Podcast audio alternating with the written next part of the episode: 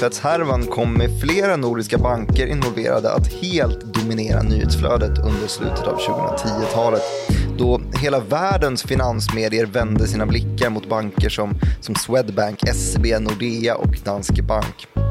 Härvans magnitud var närmast astronomisk och det svenska anseendet som moralisk väktarstat drogs i smutsen.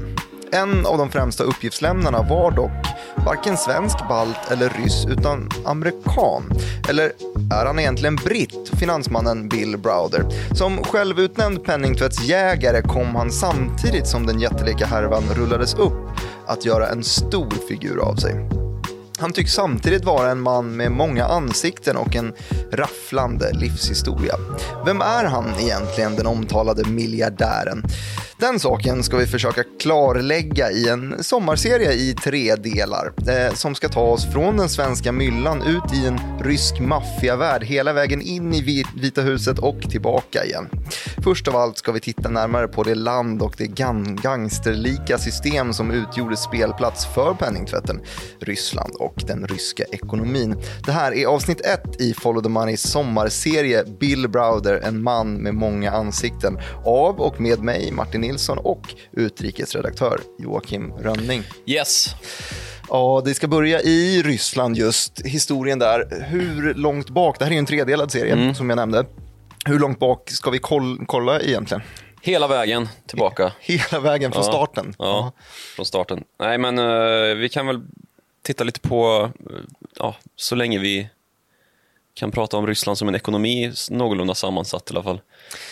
Mm, ja, men för att det, det, viktiga här är ju väl lite att förstå lite hur det var uppbyggt och då är det rimligt i alla fall att se hur, um, hur det blev, hur Sovjet bildades, hur, ja, lite hur det såg ut innan. Så Tsar-Ryssland landar vi ju i då, eller hur? Mm -hmm. Herr Nikolaj, ett, två eller tre var han? Den andra va? Den andra ja, det var den sista av dem. Romanov. Uh, den första av dem hette Ivan, Ivan den förskräcklige. Just det, det är, det är ett härligt epitet. Ja, han var galen han. Ja. Helt sjuk. Ja, uh, men sen så har det ju varit ett helt gäng ju. Peter den store är en sån som vi får lära oss om i uh, historieböckerna i mm. Sverige. Uh, men ja, precis. Nikolaj den andre var ju den sista då. Vad var det som hände i slutet av hans regeringstid? Då? han bestämde sig för att gå i krig på två fronter. Mm och söndrade sitt eget land inifrån då, där de här ja, lite sovjetryska eh, stämningarna piskades upp allt mer i befolkningen. Och det hela kulminerade väl med att eh, ja, han började skjuta ihjäl eh, strejkare och sånt. Dåligt för opinionen och till slut så hade han en hel en hel eh, revolution, revolution på halsen, ja precis. Ledd av... Eller två stycken till och med ju. Jaha. Februarirevolutionen och oktoberrevolutionen. Mm, just det, och, och, vilken av de här, det enda jag egentligen kan om det här är, det är väl att Lenin är en central ja, figur i precis. det. Uh, vilken del hade han? Uh, ja, men han, han, hade, han hade ju gått i, uh, vad heter det när man flyttar utomlands? han hade ju gått i lands, landsflykt. Mm. på vägen tillbaka så var han ju bland annat i Stockholm med en sån känd scen. Mm. Han var och köpte en kostym på Ströms här, bara några hundra meter från där vi sitter. Mm. Eh, på vägen tillbaka till Moskva då. Um, men 1918 så skedde ju det som kom att bli avgörande då när uh, ja, Nikolaj och hans familj uh, mördades. Um, Tsardömet var Tsardömet helt slut föll. och Sovjet bildades. Ja, precis. Under Lenin då. Mm. Um, Ledning av Lenin. Ja, Lenin och så var det ju Trotskij då som var lite mer, eh, han var lite mer på den liberala sidan och han, det slutade, hans dagar slutade ju i Trots. Eh, Mexiko, va? Mexiko.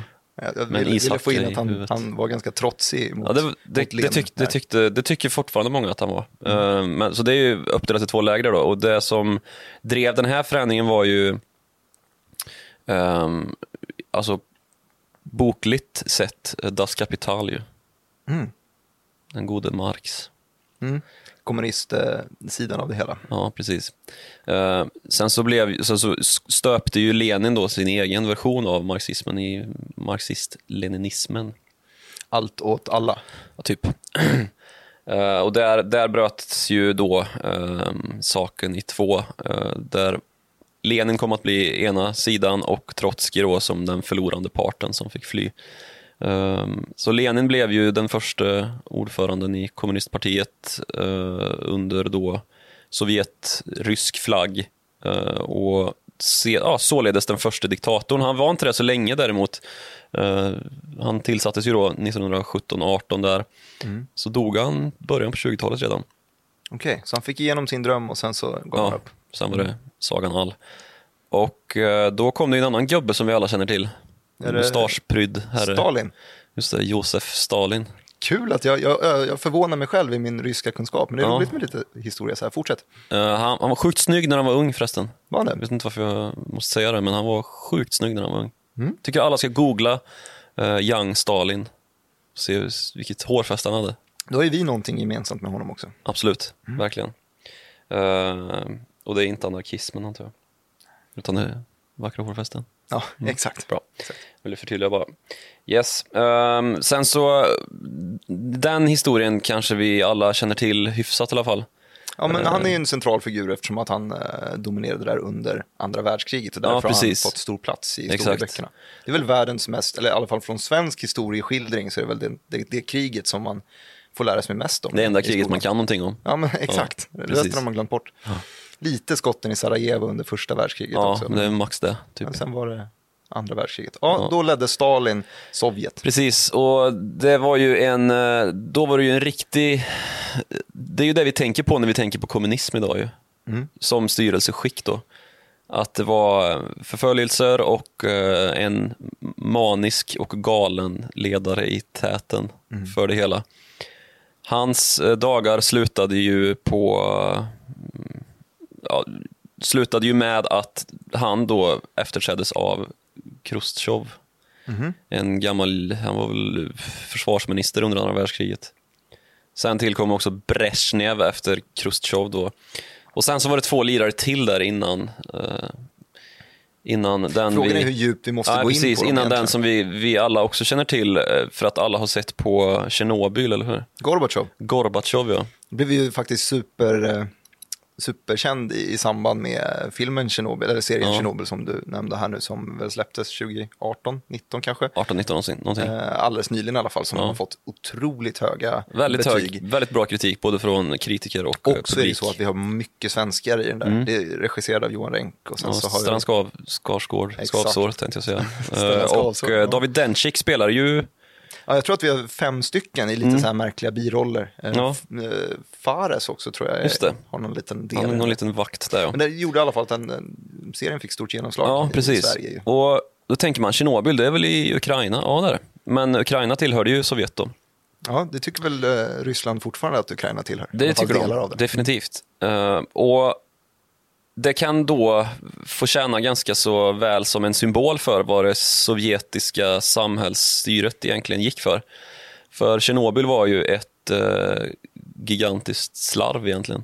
Mm. Folk som inte riktigt kände att de eh, brydde sig om sina jobb och eh, ja, lät saker bara löpa på så att de fick Det var väl den värsta sidan av, av kommunismen samtidigt som det där möttes av någon form av ehm, lite mer transparent våg eh, som Gorbatjov förde med sig. Precis. Eh, Men i, i grund och botten då att eh, i det kommunistiska systemet så saknades det ganska, det, det saknades ju all form av incitament för att göra ett bra jobb. Eftersom att du inte blev tilldelad särskilt mycket mer av att göra ett bra jobb då. det fanns väl incitament kan väl jag tycka, alltså incitamenten att du, eh, du Inte skapa en uh, kärnkraftskatastrof. det också, men att du blir av med jobbet och att du kan Ja, eh, bli slängd lite hit och dit. Och det var en väldigt stark statlig makt, så det finns väl ett hot som incitament. Visst. Om inte annat. Eh, sen så hade vi också då en ganska så betydande anledning till att uh, Sovjet ju skulle komma att falla. Eh, och det var ju som så många gånger förr dit eh, imperier går för att dö. Vet du vart det är någonstans? Nej. Du vet visst det. Aha. Afghanistan. Aha. Ehm, Ja, det var ju ett krig där som, som precis. Och ett krig mot Mujahedin-soldater i ehm, som var understödda av USA, CIA och eh, Saudiarabien. Och som lyckades då besegra Sovjetmakten som fick göra reträtt för första gången. Och ja, det, Samhället kom ju att implodera mer eller mindre. Och eh, Mikhail Gorbatjov då, han är ju fortfarande vid liv, den gamla gubben. Och eh, var ju tillräckligt klok då att se att nu måste vi faktiskt ta och eh, förändra vårt samhällsskick och gå mot demokrati då. Och det var det man kallade för glasnost. Eh, där i slutet på 80-talet så införde Gorbatjov glasnost som ju då står för öppnande eller öppenhet då, att man skulle öppna samhället igen. Så man, man torskar mot väst, hade svårt att behålla ansiktet när det sipprar igenom information som vittnar om att människorna i väst kanske har det helt okej jämfört med oss. Som, som De kanske lider. har smör. Ja, de kanske har det. Eh, och då börjar man helt enkelt att eh, gå mot öppnandet. Ja, precis. Glasnosten. Mm. Och, eller glasnost var ju mer alltså öppnandet i någon typ av lite mer andlig mening. Eh, att man skulle få tycka och tänka som man ville. Det fick man ju inte tidigare. Och sen så hade vi då perestrojkan som var det här eh, mer i den fysiska världen då, att man skulle faktiskt ta och ändra på hur, ja, men samhällets grundvalar liksom. Och omorganisationen då, den stora omorganisationen var ju perestrojkan. Från att liksom, staten har ägt absolut allting Precis. eh, till att faktiskt... Eh, Ja, men titta på hur ska vi kunna liberalisera den här ekonomin då och få till någon typ av samhälle som är långsiktigt hållbart och sluta med liksom den här Är det här kapprustningen. ungefär i samband med att nu kan vi få in eh, Ronald Reagan för tredje gången på tre raka avsnitt, eh, säger tear down that wall, Ja. kanske. Stämmer bra. Tidsenligt, 1991 kanske. Ja. 89 som muren föll och 89 skulle jag väl Sovjet säga. 91. 91 var väl lite senare. Ja, men Sovjet föll 91 då. Ja, precis. Ehm, och här har vi ju då också att en annan, alltså den första icke, eh, vad ska man säga, diktatorn kommer till i Ryssland. Alltså Boris Jeltsin. Bekant med också, eh, också om man får Han säga. var ju den här liksom över, eh, vad ska man säga, eh, övergångsperiod eh, presidenten, premiärminister var han, eh, som då skulle ta tag i saken och genomföra den här marknadsliberaliseringen när man i praktiken då delade ut Ryssland och de ryska företagen till folket. Eh, eller försökte i alla fall. Boris Jeltsin har ju också eh, fått en, en vodka döpt efter sig också, som går att köpa på box. Det är en av, av få vodkor som går att köpa på box, vet jag. Boris Jeltsin vodka, Jeltsin vodka med Z då istället, så det är inte riktigt samma. Jaha, det är är ett franskt företag som har Jaha, slappt. Mm, lite slappt. Ja. Nej, men han var ju en suput eh, och det blev väl kanske en del av hans fall. Men under hans period då, där i början på 90-talet så genomfördes ju väldigt kraftiga marknadsreformer då, influerat av USA. Man försökte öppna upp och bli en del av världsekonomin igen. Det lät väldigt bra, såg väldigt bra ut på papper. Det gick inte så bra. Ehm, det var ju här den stora kleptokrativågen kom i och nu får du nog förklara också vad, vad kleptokrativågen, vad Kleptokrati. innebär det? Alltså kleptoman vet ju alla vad det är. Ja, eh, någon som någon stjäl. som stjäl helt eh, besinningslöst. Mm. Eh, kleptokrati då, det är när man snor ett land, typ. Okej, Ehm, att man tar man tar det som är landet eh, och gör det till sitt då och styr landet därigenom. Okej, och det här kopplas ju då till... Eh, Alltså klepto betyder ju stöld då och krati betyder ju styre. Så det är något form av stöldstyre som kan kopplas till perestrojkan som handlade om den här att man skulle bygga om hela nationen från att staten ägde allt till att faktiskt få lite privat ägande. Och då Precis. sker det en stöld i det här överlämnandet. Ja, alltså planekonomin byggde ju på att staten satt på alla tillgångar. Eh, All, all kapitalstruktur var statlig då och kapitalstruktur då i form av eh, allt jordbruk, all industri och, och alla, alla system överhuvudtaget. När man då skulle börja öppna upp det här så fick man ju ta alla, alla företag och börja dela ut dem som aktier då till befolkningen. Eh, problemet var att det rådde samtidigt hyperinflation och folk inte riktigt visste vad, vad är det här, liksom, de här aktiesedlarna vi har fått helt plötsligt. Nu, vad, vad ska vi med dem till? Så då såg ju vissa möjlighet då att köpa på sig eh, en massa aktiebrev för ja, men, snarare liksom tillgångar som bröd och eh, ja, sånt som folk faktiskt kunde sätta ett värde på när det, när det inte gick att köpa någonting. Det var en tid som var präglad av nöd i största Ja, allmänhet. precis. Så att, eh, det var ganska lätt att köpa till sig billiga aktiepapper då, som Ja, folk och dessutom, ja, precis, dessutom väldigt svårt att förstå vad, vad är det här för någonting. Ja, men det har jag än idag svårt med och då Aktier, ligger ändå ganska många högskolepoäng bakom det där. Ja, precis. Men då ehm, eh, var det ju vissa då, särskilt gamla tjänstemän i de stora ehm, ryska bolagen, eller de gamla sovjetiska bolagen då, som såg att eh, shit, här finns det ju väldigt mycket tillgångar som är kraftigt undervärderade, eh, och som vi typ kan ta nu. Så gjorde man det. Okej, och, och, och vad, vad mynnade det här ut i? Vil- Vilka bolag är det som är inne och stjäl? Vilka det här mynnade ju ut i den ryska oligarkin, kan man väl Kleptokratin förvandlas till oligarki. Ja, precis. Och kleptokrati då, att man just stjäl från folket.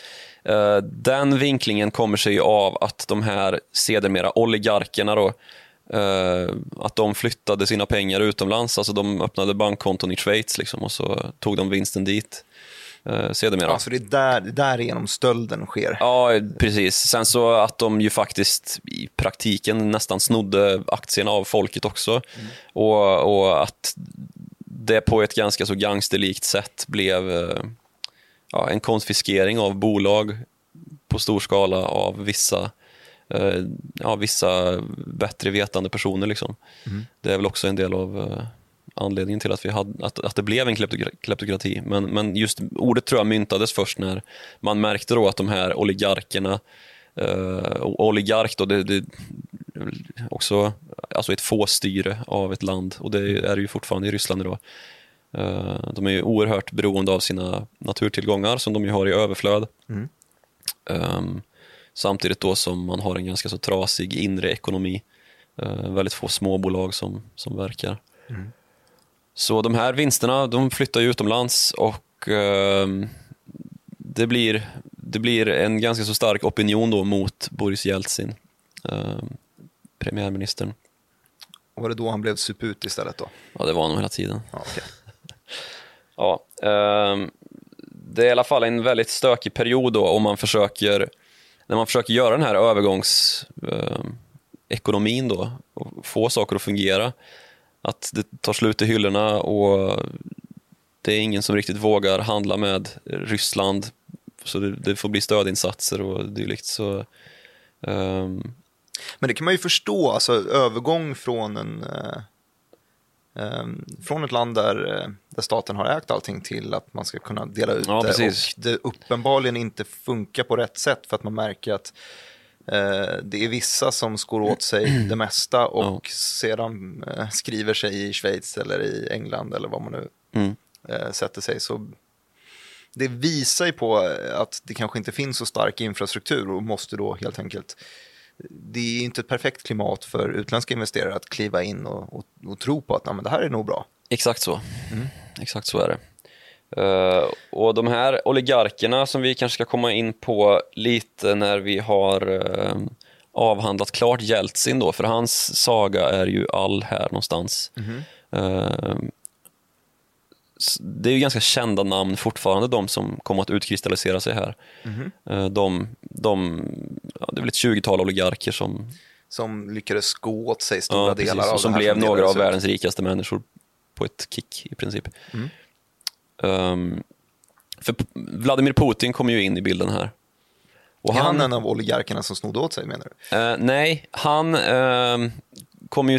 Ja, vi, kan, vi, vi kommer dit, hur han eh, liksom kommer att hantera oligarkin. Men han kommer ju till makten när Putins eh, stjärna slocknar och Putin familj, eller vad säger jag? Eh, Jeltsins stjärna Jeltsins stjärna slocknar, ja.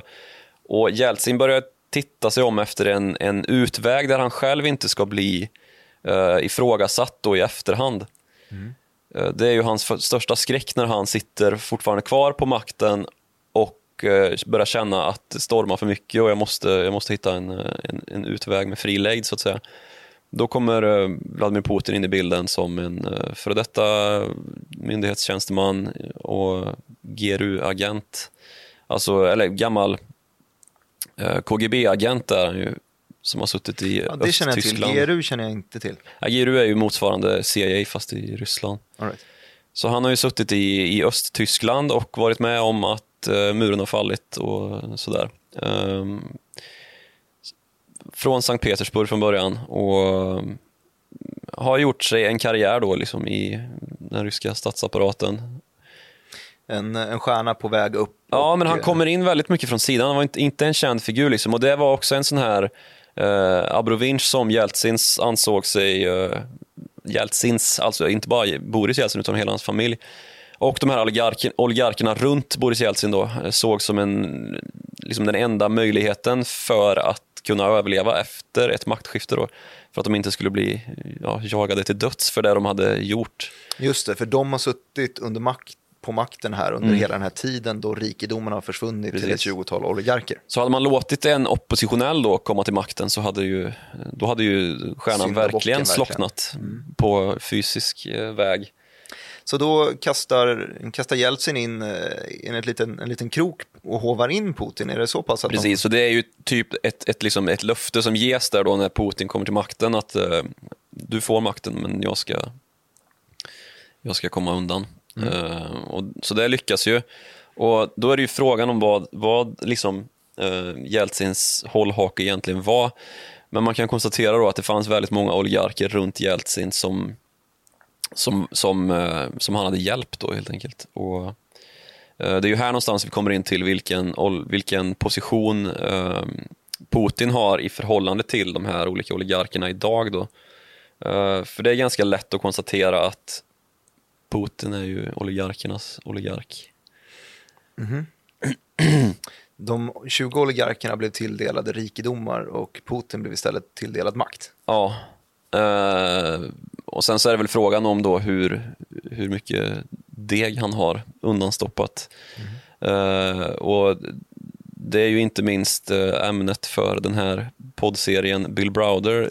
Exakt, för nu har vi gått igenom, det har vi ändå ägnat en liten stund åt, historien som började i tsardömet. Mm. Eh, alltså då, Feodalsamhälle till marknadsekonomi har vi ju Nikolaj den andre som eh, övertogs under en revolution, eller två sådana, februari och oktober sa du, mm. eh, som leddes av Lenin som sedan formade Sovjet.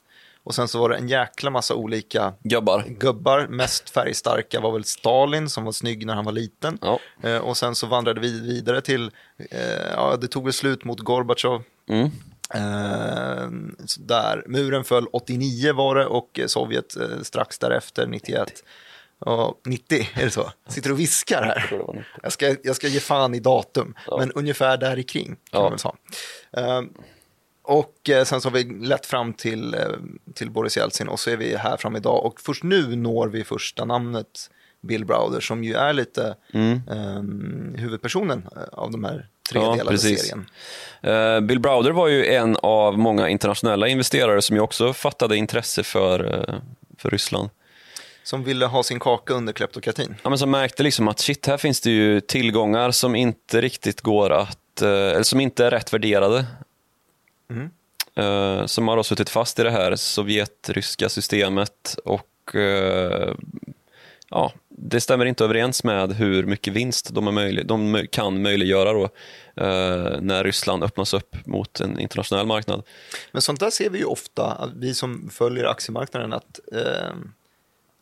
det är det omvärderas lätt. Ofta när man får en, någon form, om det har varit en, en, en byråkratisk reglering mm. kring en, en marknad, när den sen öppnas upp så kan det värderas helt annorlunda för att det kommer in en, en liksom organisk efterfrågan som, mm. som eh, prissätter produkterna annorlunda. Mm. Och då förstår man ju då att när, när Sovjet faller och Ryssland öppnas upp och man ska helt enkelt dela ut de här på en mycket större marknad, de här företagen, då prissätts ju på ett annat sätt. Och då är det ofta ja. så att det finns rent arbitrage att göra genom att eh, köpa undervärderade Precis.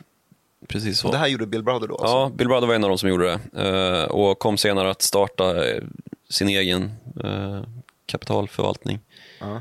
Hermitage Capital heter den. vi ska inte prata så jättemycket om Bill Brother i det här avsnittet, för han är inte direkt en oligark. Um, han blev ju sedermera jagad bort från Ryssland. Eh, de mest kända oligarkerna är ju de här som, eh, som har stora innehav i bolag som eh, Gazprom, vi har Rosneft, vi har eh, Gas och olja hittills. precis natur, naturresursföretag som ju är det som livnär Ryssland. Var det Gazprom som var inne i Pedevsa i Venezuela? Eller var det Rosneft? Nej, det var Rosneft. Mm. Eh, återknyter du till den. Ja, Mm. det, det är min, Det är bra. min uppgift. Men sen så har vi ju då också en massa mediamoguler. Eh, vi har, just för att allting det här ska fungera så har ju nästan alla oligarker en egen bank också. Eh, och det är ju lite av anledningen till att eh, den ryska interna produktionen är ganska så knackig och det finns väldigt få små och medelstora företag för att de här bankerna bara servar de här jätteföretagen då som eh, oligarkerna sitter på.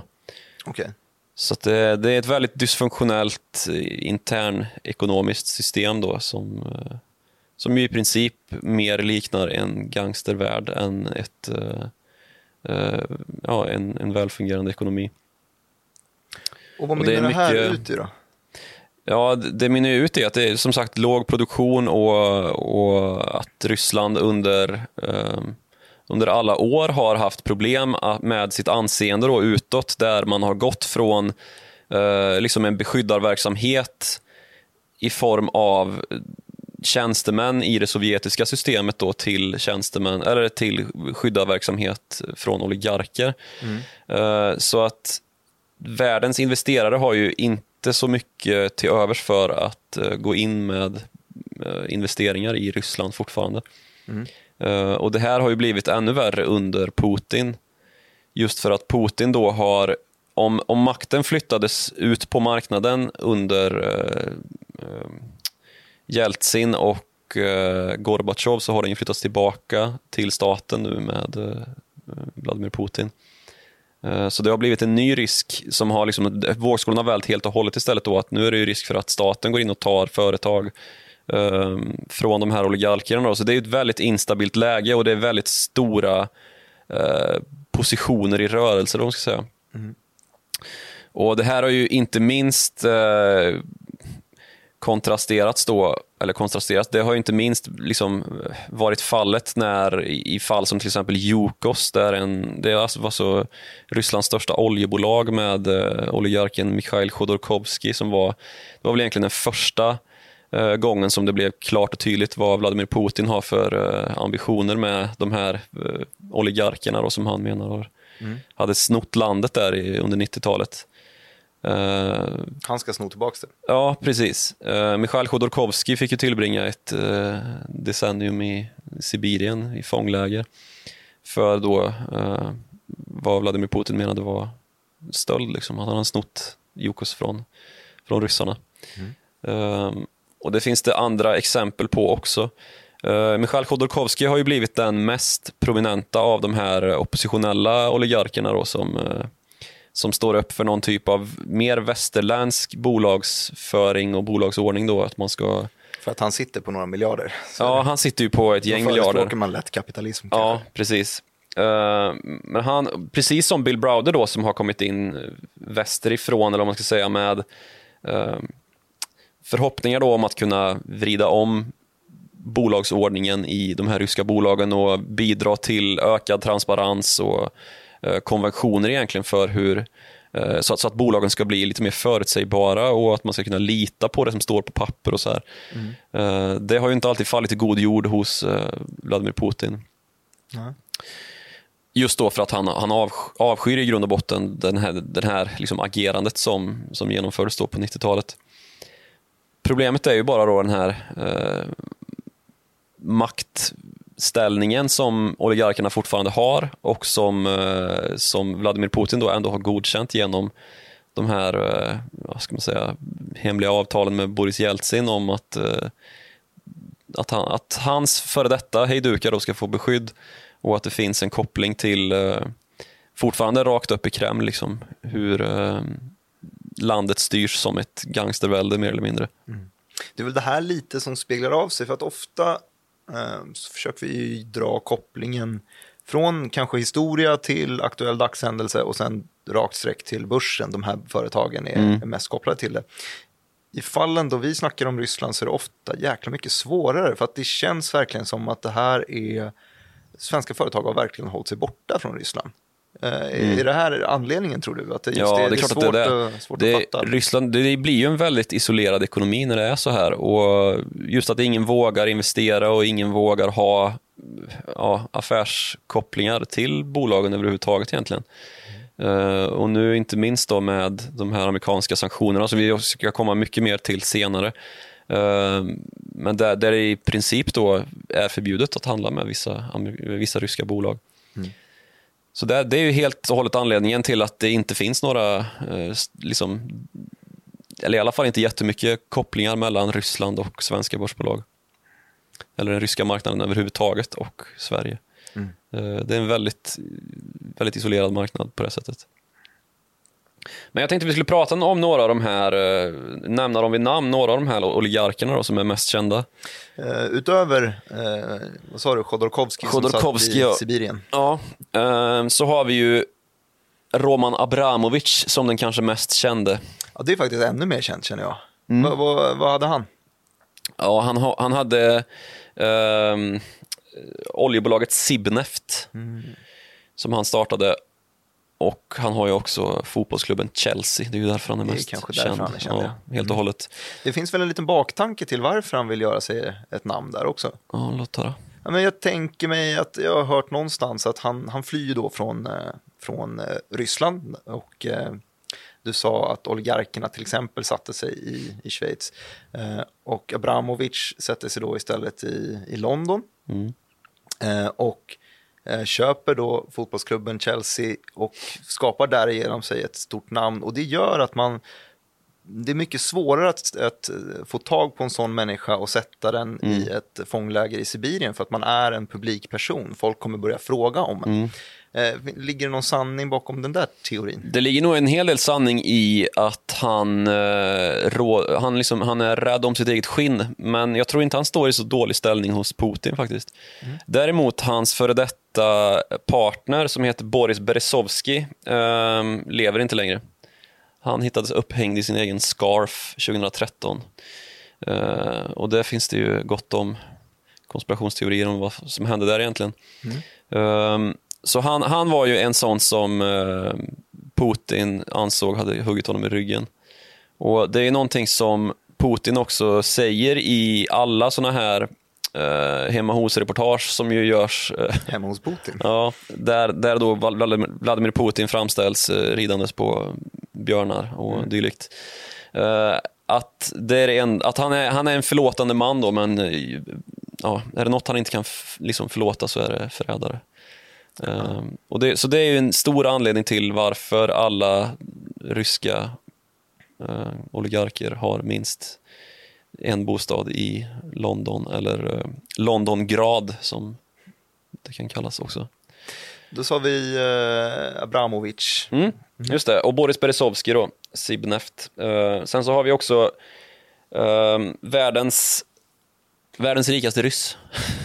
Vladimir Potanin heter han. Han är då en uh, metallryss. Uh, mm. Han äger ett metallföretag som heter Norilsk Nickel.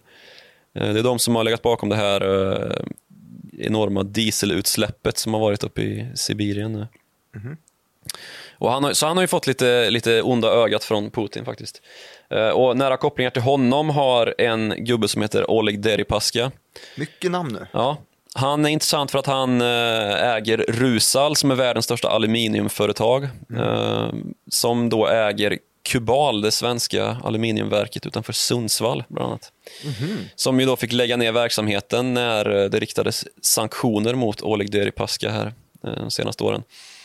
Um, nu har han avförts från sanktionslistan, eller han har nog inte avförts men han har gjort en massa transaktioner då, så att inte, han inte äger lika mycket av de här bolagen längre. Uh, sen så har vi bröderna Rotenberg, uh, Arkadi och Boris som äger uh, alla, all tillverkning, eller vad ska man säga, all ett, ett rörläggarföretag som lägger ut pipelines där det transporteras ja, gas en, åt en liten... Gazprom liten kaka åt eh, Nord Stream-hållet. Finns Precis, där, kanske? exakt. Nord Stream då, som ju är, eller Nord Stream 2, som är gasledningen som går genom Östersjön mellan Ryssland och Tyskland. Känner vi till. Den känner vi till. Ja. Den har varit mycket snack om. Ju. Mycket jidder om den, ja. Ehm, det är då deras företag som heter Strojgas Montage som bygger den ledningen. Jag tycker, du imponerar på mig med ditt uh, rysk uh, uttal. Mitt ryska uttal? Mm. Mm. Snyggt. Tack. Um, sen så har vi också en med lite svensk koppling som heter Gennadij Timchenko. Mm. Som var huvudägare i Gunvor Group. Är du bekant med det? Ja, jag känner till. Det är då Torbjörn Törnqvists um, firma. En, uh, ett oljehandelsbolag som uh, för ut rysk olja på världsmarknaden. Uh, Torbjörn det, Törnqvist som också är storägare i AIK. Där fick vi lite börskoppling i alla fall. Mm, Eller AIK är väl NGM-noterat och mm. handlas ganska oflitigt får man väl säga, ja. den aktien. Precis. Uh, och de här oligarkerna då kan man ju typ dela upp i två läger där den ena halvan är uh, Putin närstående. Det är ofta man skriver det i nyhetstext, den till Putin närstående. Ah, en, en, viktig information ja, där. Mm. Precis. Och andra då som inte är lika närstående som Mikhail Khodorkovsky då, som gör den mest kände. Mm. Um, så ligger det till. Um, om, vi, om vi spolar fram verkligen ja. till, till idag och vi har snackat ganska mycket mycket sanktioner på Ryssland. Jag tänker så att vi får en så köttig bakgrund som möjligt ja. när vi i del två ska ge oss in på just Bill Browder. Här. Precis, vi var ju inne på Nord Stream då och det finns ju liknande anledningar till att Eh, USA har kastat sanktioner mot ryska företag. Krim 2014? Precis, Krim är ju det största, den största anledningen till det. Uh, när ryska styrkor då gick in och annekterade, in, invaderade Krim då, som är en ö i Svarta havet mm. som tillhör Ukraina men som har en uh, viss rysk befolkning. Då. Som ju blir fallet när man har varit ett och samma land ganska stor del av tiden mm. uh, historiskt. Det här är ju även fallet i östra Ukraina, uh, Donetsk och Donbass-provinsen, där det ju är krig fortsatt uh, mellan Ukraina och Ryssland. Men där Ryssland då gärna hävdar att det här är ju ett inbördeskrig, det här är ju Ja. Men det är väl bara Ryssland som har erkänt Ukraina. Ukraina har ju snarare gått mer åt, åt väst efter Precis. Eh, Krimannekteringen och de flesta övriga länder i världen erkänner ju inte att Krim eh, tillhör Ryssland och Donetsk. Nej, precis. Det är ju en eh, ja, gränsdragning där, men det, det är ju ändå eh, det är ganska tydligt liksom vart, vart vågskålarna är någonstans här, för NATO är ju den den splittrande faktorn kan man säga. Länder som närmar sig NATO och eh, indirekt då närmar sig NATO genom att få medlemskap i EU faller ju direkt i onåd hos eh, Vladimir Putin. Mm. Um, och en av hans käpphästar är ju att uh, gå, ju tillbaka till dels då när muren föll och uh, ja, vad ska man säga, Ryssland förlorade kalla kriget och tillbaka till när uh, NATO bombade Belgrad. Mm. Ett öppet sår för den gode Putin. Eh, det tycker han inte om att tänka på att eh, NATO då och dåvarande amerikanska presidenten George Bush den äldre lovade att nej, Bill Clinton lovade att vi kommer inte göra några närmanden till gammelsovjetiska republiker då, alltså som Georgien och hela Kaukasus och de här östeuropeiska länderna då som, har, som låg under Sovjet när det begav sig. Vilket ju nu har blivit fallet uh, och det har ju hettat upp stämningen ytterligare då och det, det, är väl, alltså Krim är väl en sån punkt där man har sett sig an, sett liksom att det här kan vi verkligen göra eftersom att uh, NATO och väst gjorde som de gjorde mm. under Balkankonflikten då. Uh, en del av förklaringen i alla fall. Där har jag också Sverige varit lite lätt inblandat vet jag. Att vi har haft något spaningsflyg som har, jag tror med, med NATO-flagg, flugit över eh, Krim för att, för att se att allting går rätt till och inte fått så mycket information vad jag ser. Har du, har du källa på det? Ah, det, möjligtvis någon Wikipedia-artikel eller en så. Spaning annars. En liten spaning. Ja. Um, men vi, alltså Krim sammanföll också med att Putins uh, förtroendesiffror var på decline. Mm -hmm. Och det är också en sån vanlig uh, ja, opinionsförstärkare ju att man hävdar att, att ens befolkning är utsatt för nöd och så går man in i ett litet Då gör man, gör man landområde. någonting radikalt helt enkelt. För att ja, stärker de proryska tendenserna lite grann i hembygden. Mm.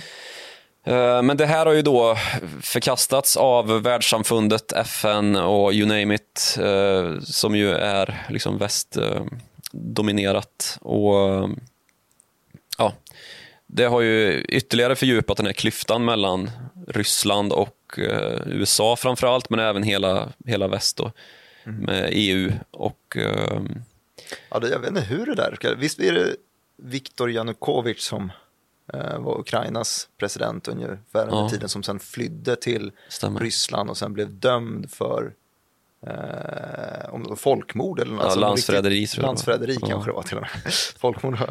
Ja, kanske Ja, men det var ju- tillhör det också. Ja, men det var ju ganska så, ganska så vidriga scener där vid eh, Exakt. i Kiev. Winter on fire. Ja, fortsätt du. Vart var jag? Nej, Jag har ingen aning, jag har lyssnat. Nej, men det, det är, alltså de här sanktionerna då som har riktats mot Ryssland har ju, eh, har ju träffat mot de här Putin-nära oligarkerna som sitter på de här gigantiska företagen. Bland annat Oleg Deripaska då, som har byggt eh, en enorm aluminiumindustri under sig och vars företag då har understött eh, olika byggen på, på och till Krim. Bland annat en bro som byggs över till Krim från ryska fastlandet då, och som ska sammankoppla, eller bygga in Krim egentligen till Ryssland igen. Ehm, Alla företag som har kopplingar dit har ju blivit sanktionerade av, eller sanktionerade, har fått sanktioner på sig från USA. Då. Och det har vi också pratat om en miljon gånger om det här med dollarclearingen, att inga företag vågar göra affärer då med Rusal eftersom att man riskerar att få sin dollarclearing hävd och eh, inte längre kan växla pengar i amerikanska banker i praktiken. Vilket ju då gör att man omöjligt kan fungera som företag på en världsmarknad i alla fall. Eftersom att 9 av 10 transaktioner fortfarande görs i dollar i världshandeln. Ehm, och Detsamma gäller då för företag som har varit med och byggt de här, ehm, den här rörledningen som går genom Östersjön och som ska pumpa gas till, till Men du, vad, vad Tyskland. snackar vi för, för typer av, av sanktioner? Är det bara direkta bötesbelopp eller är det att de absolut inte får eh, handla eller är blir man liksom... Är det någon som har blivit dollarclearad menar jag? Nej, men alltså Det, det? Problemet då för de här bolagen som får sanktion på sig är ju att de eh, indirekt inte... Det är ingen som vill handla med dem. Det är där sanktionen består i egentligen. Okej, så det, det är en svartlistning? Ja, de hamnar på en svart lista och, och då är det ju det är en signal till de amerikanska bankerna. Då kan inte JP Morgan eller Bank of America eller Morgan Stanley arbeta mot dem längre. Så då kan inte de få in pengar för gods de transporterar ut till en kund. Då. Så i praktiken fungerar det. Mm, jag förstår. Eh, och då, då är vi inne på de här bröderna då, eh, bröderna Rotenberg som sitter på det här Strojgasmontage som bygger rörledningarna i eh, Östersjön. Och det är ju då för att transportera gas till Tyskland och det är ju ett EU-land så det är lite snårigt det här. För eh, USA hävdar ju prompt att det här är ju fullständig idioti. Ju. Eh, Ryssland skickar spioner över hela Europa och genomför destabiliseringsoperationer mot den eh, demokrati som finns här. Vilket man kan bekräfta i Bulgarien, i Montenegro, i Moldavien och i Katalonien och i London. Liksom. Eh, Även i Tyskland där det finns mord på, på oppositionella och folk som har flytt då från politiskt utsatt ställning i Ryssland. Och, och motargumentet är då, men, men det är billigt och Ja, billig gas. men vi måste ha gas för att klara oss. Och eh, dessutom då så sitter ju Tyskland ganska illa till i fråga då om att man eh, genom de här rörledningarna som Ryssland bygger, de bygger dels den genom Östersjön men också en som kallas för Turk Stream som, som går genom Turkiet då. Så att man helt och hållet kringskär Ukraina som ju lever på sina gastillgångar. Eh, och Ukraina har ju, eh, det var ju så Viktor Janukovyč åkte ut eh, när folket vände sig mot honom och hans anti-EU-kampanj då, för han, han vände sig mer mot Ryssland. Eh, och um, nu, nu går ju Tyskland ändå Ryssland till mötes här och, och tar in den här gasledningen. Men hur, hur resonerar man där då? Ja, Tyskland resonerar ju som så att vi måste ha mer energi för att klara oss. Och dessutom så måste vi komma bort från det här tunga kolberoendet som Tyskland fortfarande har. Just det, för det har ju varit en, en återkommande rubrik också i svensk media, just det här Ja. smutsiga tyska kolet. Ja, Vattenfall och det här, det blev ju till och med en svensk valfråga när Vattenfalls, eh, eller det kanske var Tjeckien i och för sig, Eh, men det är ju närliggande då, Eh, de här stora koltillgångarna som, som ligger under sydöstra Tyskland och ner mot, ja, ner på Så kontinenten. det finns en viss opinion som, eh, som skulle tycka att ja, men det känns lite skönare att få lite... Ja, precis. Naturgas, är i alla fall lite istället. bättre. Ja. Ja. Eh, nu pågår det ju också enorma satsningar inom vätgas och allt vad vi har pratat om, men eh, det är i alla fall så, så läget ligger då att eh, Tyskland har en satsning mot att bli mer koldioxid, eller snabbare bli koldioxidneutralt och då måste man fasa ut kolet. Eh, och det här är ett av alternativen då. USA hävdar ju då att hur kan ni göra det här? Det, ni kommer ju ge eh, Ryssland en helt eh, oinskränkt eh, ja, geopolitisk makt här ju. Exakt, börja luta sig mot Ryssland så, så eh, försätter du dig i massa andra problem. Precis, vad är nästa steg? Vad, de får era pengar för gas då. Eh, vad händer med dem? Ska de förtrycka sitt folk ännu mer med det här? Och den, eh, den tyska eh, kleptokratin och eh, oli- oligarkin kommer ju bara fortsätta. Eh, så det, där, ja, eh, där ligger, ligger dis- bollen just diskursen just nu kan man väl säga. Ja. Ehm, men det, det är ju ett eh, väldigt prekärt och eh, komplext läge. Exakt, eh, Eh. komplext var det ordet jag tänkte leta efter. Att det är så jäkla många olika bollar i det här. Just det att det har ett tjugotal olika oligarker med sin egna lilla historia och som Ja. är kopplat till det där företaget och det där företaget och så vidare. Mm. Och allt det här, jag tycker att det ger en ganska bra grund i alla fall för det vi ska ta det, det, vi ska ta det vidare till. Mm, Ehm, Den här tys- eh, ryska ekonomin som har byggts upp så här. precis. Eh, Så kan du ge oss en, en teaser på vart vi ska ta det här vidare? Ehm, ja, vi ska väl prata i nästa avsnitt om eh, den nämnde Bill Browder då och lite mer, eh, ja, ska vi säga, snäva in på honom. Som ju blev känd genom de här penningtvättsskandalerna. Ja, Som, eh, i vidare kretsar i alla fall. Han har ju en lång historik i Ryssland såklart. ska vi gå in djupare på helt enkelt. Och han har en oerhört, oerhört intressant eh, familjehistorik som, eh, som heter duga. Ja, men den ska vi gå igenom ordentligt i, i avsnitt två helt enkelt. I den här lilla, vad ska man säga att det är, en, en liten sommar... Sommarspecialen, Sommarspecialen. poddserien. Joakim Rönnings sommarprat och eh, Martins datumgissningar. Ja. Eh, tack så mycket för att ni har eh, lyssnat på oss. Eh, fortsätt göra precis som ni alltid gör. Klicka tumme upp och skicka in någon fråga via followthemoney.direkt.se. Vi läser av den mejlen genom hela sommaren. Ha det så fint. Vi avslutade avsnitt 1 i Follow the Money sommarserie med att berätta om hur ryska oligarker sedan slutet på 90-talet tagit sin tillflykt till London och hur samma stad de senaste 20 åren blivit en kuliss för ett flertal uppmärksammade spionmord och oförklarliga försvinnanden. En som istället helt och hållet för egen maskin har tvingats försvinna är Bill Browder. Den här jagade finansmannen reste i motsatt riktning, alltså från London till Moskva för snart 30 år sedan i hopp om att finna guld när Ryssland öppnades upp efter Sovjets fall. Och han fann det. Men det som lät alldeles för bra för att vara sant visade sig också vara just det. Eh, och det här har fört in honom på en eh, äventyrlig kamp mot Putins Ryssland. Men vad var det egentligen som hände och hur kom en hoper självutnämnt renhåriga nordiska banker att falla pladask från sina höga moralhästar och dras i smutsen? Det här är Follow the Money. Det är en podcast om makt, storfinans och börsen. Och dagens avsnitt är en berättelse om kommunistiska genier, girighet och om den största penningtvättshärvan i Europas historia. Joakim Rönning, kul att sitta här med dig igen. Sommarserie. Ja. Du ser lite somrig ut. Tycker har du varit ute i solen? Ja, jag börjar flagna redan. Börjar Ja, då så. Då är det helt Golf. rätt då. Ja, jag har precis också börjat med golf Ja, faktiskt. har? Handikapp 48 har jag. Vad sitter du på? Sju. Istället. Ja, skryt. Ja, okej. Jag kommer ner dit snart. Eh, Ses där. idag ska vi snacka Bill Browder.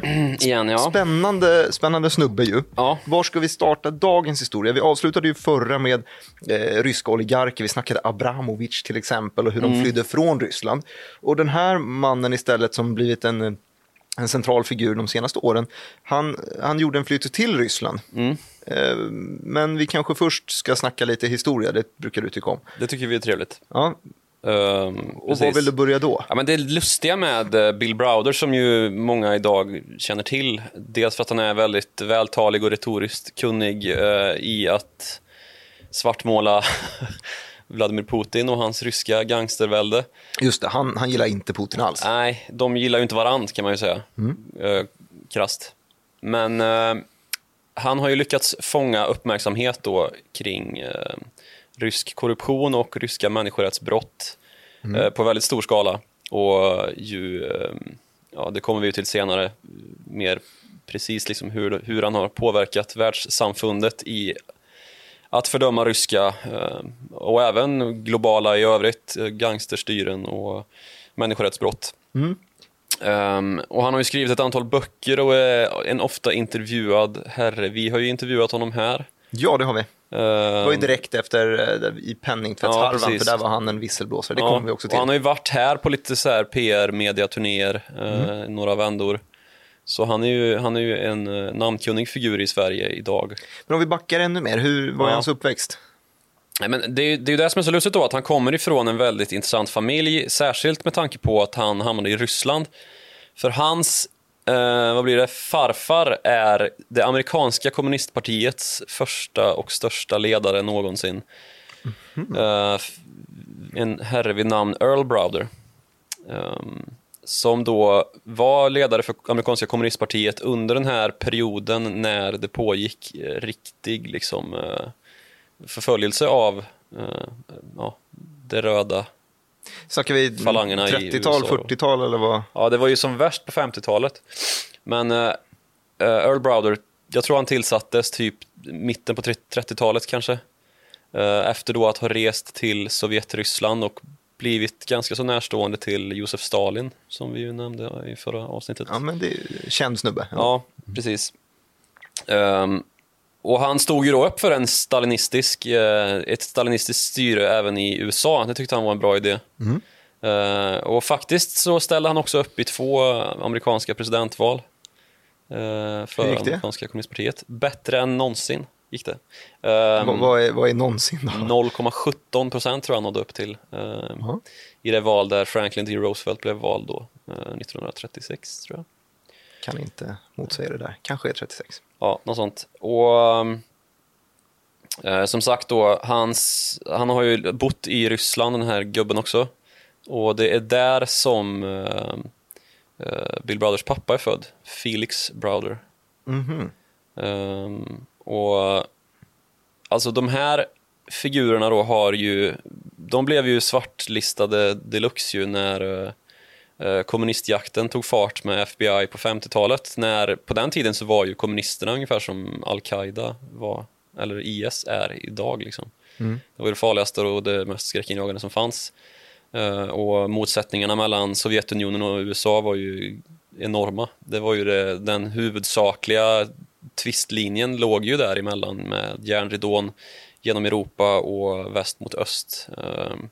Svårt att, att bo i USA då och Ja, vara kommunistledare. Lite knivigt. Och, um, sanningen är väl egentligen att trots den här mer hårdföra kommunistiska agendan som eh, Earl Browder drev tidigt så blev han väl sedermera lite mer åt en, ja, vad vi idag skulle, eller i alla fall för 20-30 år sedan, skulle kalla för en, en hederlig sosse liksom här i, i Sverige. Mm. Ja, men det, skalorna ser ju lite annorlunda ut där Ja, om man precis. jämför USA och Sverige. Eh, så Och det blev mer en, ja, han, han till slut då kom väl till eh, lite sans och eh, tyckte inte längre att kommunismen var slutmålet utan att man skulle kunna samexistera då, eller samföra kapitalistiska och socialistiska idéer då. Eh, så ja, socialdemokrati är väl vad man landar i då ungefär. I alla fall, um, Felix Browder är en av tre bröder uh, som alla har uh, med rätta utsetts till matematiska genier. Ehm, jag tror att Felix Browder var väl kanske den mest prominente. Hans bror, uh, hans två bröder William Browder och ehm, Andrew Browder är också då väldigt ehm, ja, högt, högt uppburna matematiker i USA. Som ju till, till en början hade väldigt svårt att ja, komma in på universitet och få några jobb. På grund av deras, på grund deras farsa då? farsan. Men eh, de, de alla tre doktorerade och liksom tog rekordtidiga eh, doktorshattar på toppuniversiteten. Och, och har därefter, i alla fall Felix Browder och Bill Browders pappa, fått eh, ja, utmärkelser av presidentadministration och därmed liksom lite ett förlåt för eh, Välkommen in i värmen igen. Ja, lite så. Ehm, så. Så det är en väldigt eh, prominent familjebakgrund bakgrund han kommer ifrån. Men delade Felix Browder då pappas värderingar? Var han Det också? vet jag inte egentligen. Eh, men han har ju inte gått Inte på den i- politiska banan i alla fall på samma sätt som farsan gjorde. Men eh, han är i... Alltså det, det finns då ryskt blod i, i Bill Browder. Det är det som är eh, trots allt då att, att eh, Bill Browder är ja, del, Alltså, farsan delryss. föddes i, i Ryssland. Ja, precis. Eh, till en rysk mor då. Men ehm, Bill Browders eh, mamma är brittiska. Okej, så nu har vi gått från farfar Earl Browder ner till Felix Browder. Han gifter sig med... brittisk kvinna. Brittisk Precis. kvinna. Så, så Bill Browder är idag en så kallat naturaliserad britt. Så han har brittiskt pass och amerikanskt pass. Okej. Eh, trots att han själv då är född i USA, i Kansas och ehm, ja, växte upp under det vilda 60 och 70-talen. Och ehm, i en socialistisk släkt då dessutom. Och det, man kan ju tänka sig då att det är rätt svårt att göra, göra uppror och gör, köra sin frigörelseperiod, vilket han ofta pratar om i de här böckerna och när han blir intervjuad och sådär. Um, ehm, att det var egentligen själva anledningen. Det, det fanns inte så mycket att hur, hur långt han än gick in i att vara uh, rebellisk på det mer konventionella sättet så var det liksom ändå inte en, ett rebelluppror i eh, hans familjs ögon då som ju var rebelliska. I, Relativt sett så är det ingenting. nej, precis. Skaffa ett, en, liksom, en afrofrisyr, det, det räckte liksom inte. Eh, lyssna på tokig musik, det räckte inte heller. Eh, Så någonstans när det blev dags att söka till college då, alltså motsvarande universitet, så tyckte han väl att eh, fan, man kanske skulle bli kapitalist. Är det, är det så man tänker när man söker in till ekonomilinjen här? Ja, det Ja, jag, jag fick också den tanken. Ja. Fan, kapitalist vore schysst att bli. som gammal anarkist du är. Söker till, söker till Uppsala. Svart. Får se vad det blir. Emo-Martin blev. Lyssna på tokig musik och sånt där. Ja, men i alla fall, det, var, det är så han beskriver i alla fall att eh, ja, men kapitalist det kan man ju bli och således liksom göra uppror mot sin... Det förstår man ju att det är den längsta rebellakten Ja. om man har det här verkligt socialistiska i, i. Absolut, det, så är det. Så han gick på först eh, universitet i, i Colorado, i Denver och sen flyttade han till eh, Chicago och blev en väldigt hårt, hårt arbetande student som sedermera kom in på Stanford-universitetet och tog sin... Eh, Anrikt. Ja, verkligen. Tog, en master i business då. Och sen så fick han jobb på BCG, Boston Consulting Group. Det finns ju än idag i stort och Det mäktigt. finns än idag, ja. Eh, Och där började han då intressera sig för den här öppningen som kom ungefär samtidigt då med Sovjets fall. Ehm, Och han började höra talas om att det i Polen och Ungern skedde en massa eh, privatiseringar och att det var väldigt höga... Okej, så han sitter då alltså på... I London fick han jobb då på Boston Consulting Group, ehm, på deras okej. liksom ut Östeuropa-desk eller vad man ska säga. Och, ehm, och började då ser hur allt det här börjar öppnas upp och eftersom att han har, har ryskkopplingar så blir det naturligt att han Ja, blir alltså den som... från början då, när, då, då skedde ju den här öppningen från, alltså västerifrån. Så Polen och Ungern och de här länderna var ju först att eh, privatiseras och det var dit de västerländska affärsmännen kom först liksom, och visade intresse för den här eh, eh, omstöpningen av hela ekonomin och som skulle göras när statligt skulle bli privat och man delade ut landet till folket egentligen. Det vi gick igenom i Ja, avsnittet. precis.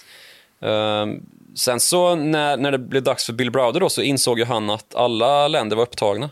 Ehm, det fanns redan någon som var ansvarig för eh, allt hela vägen till Ukraina, liksom, varenda land. Men Ryssland var fortfarande ledigt. Okej. Ehm, så då bestämde han sig väl för att jag kollar upp, kollar upp Ryssland. Och så anmälde han då intresse för att om BCG ska göra några affärer i Ryssland så vill jag vara med på det. Liksom. Och till slut då så kom det in ett uppdrag där eh, BCG behövde, en- de skulle göra någon värdering eller hu- hur det nu var, eh, av ett bussbolag eller ett, eh, liksom ett, något rederi eller vad det kan ha varit. Liksom.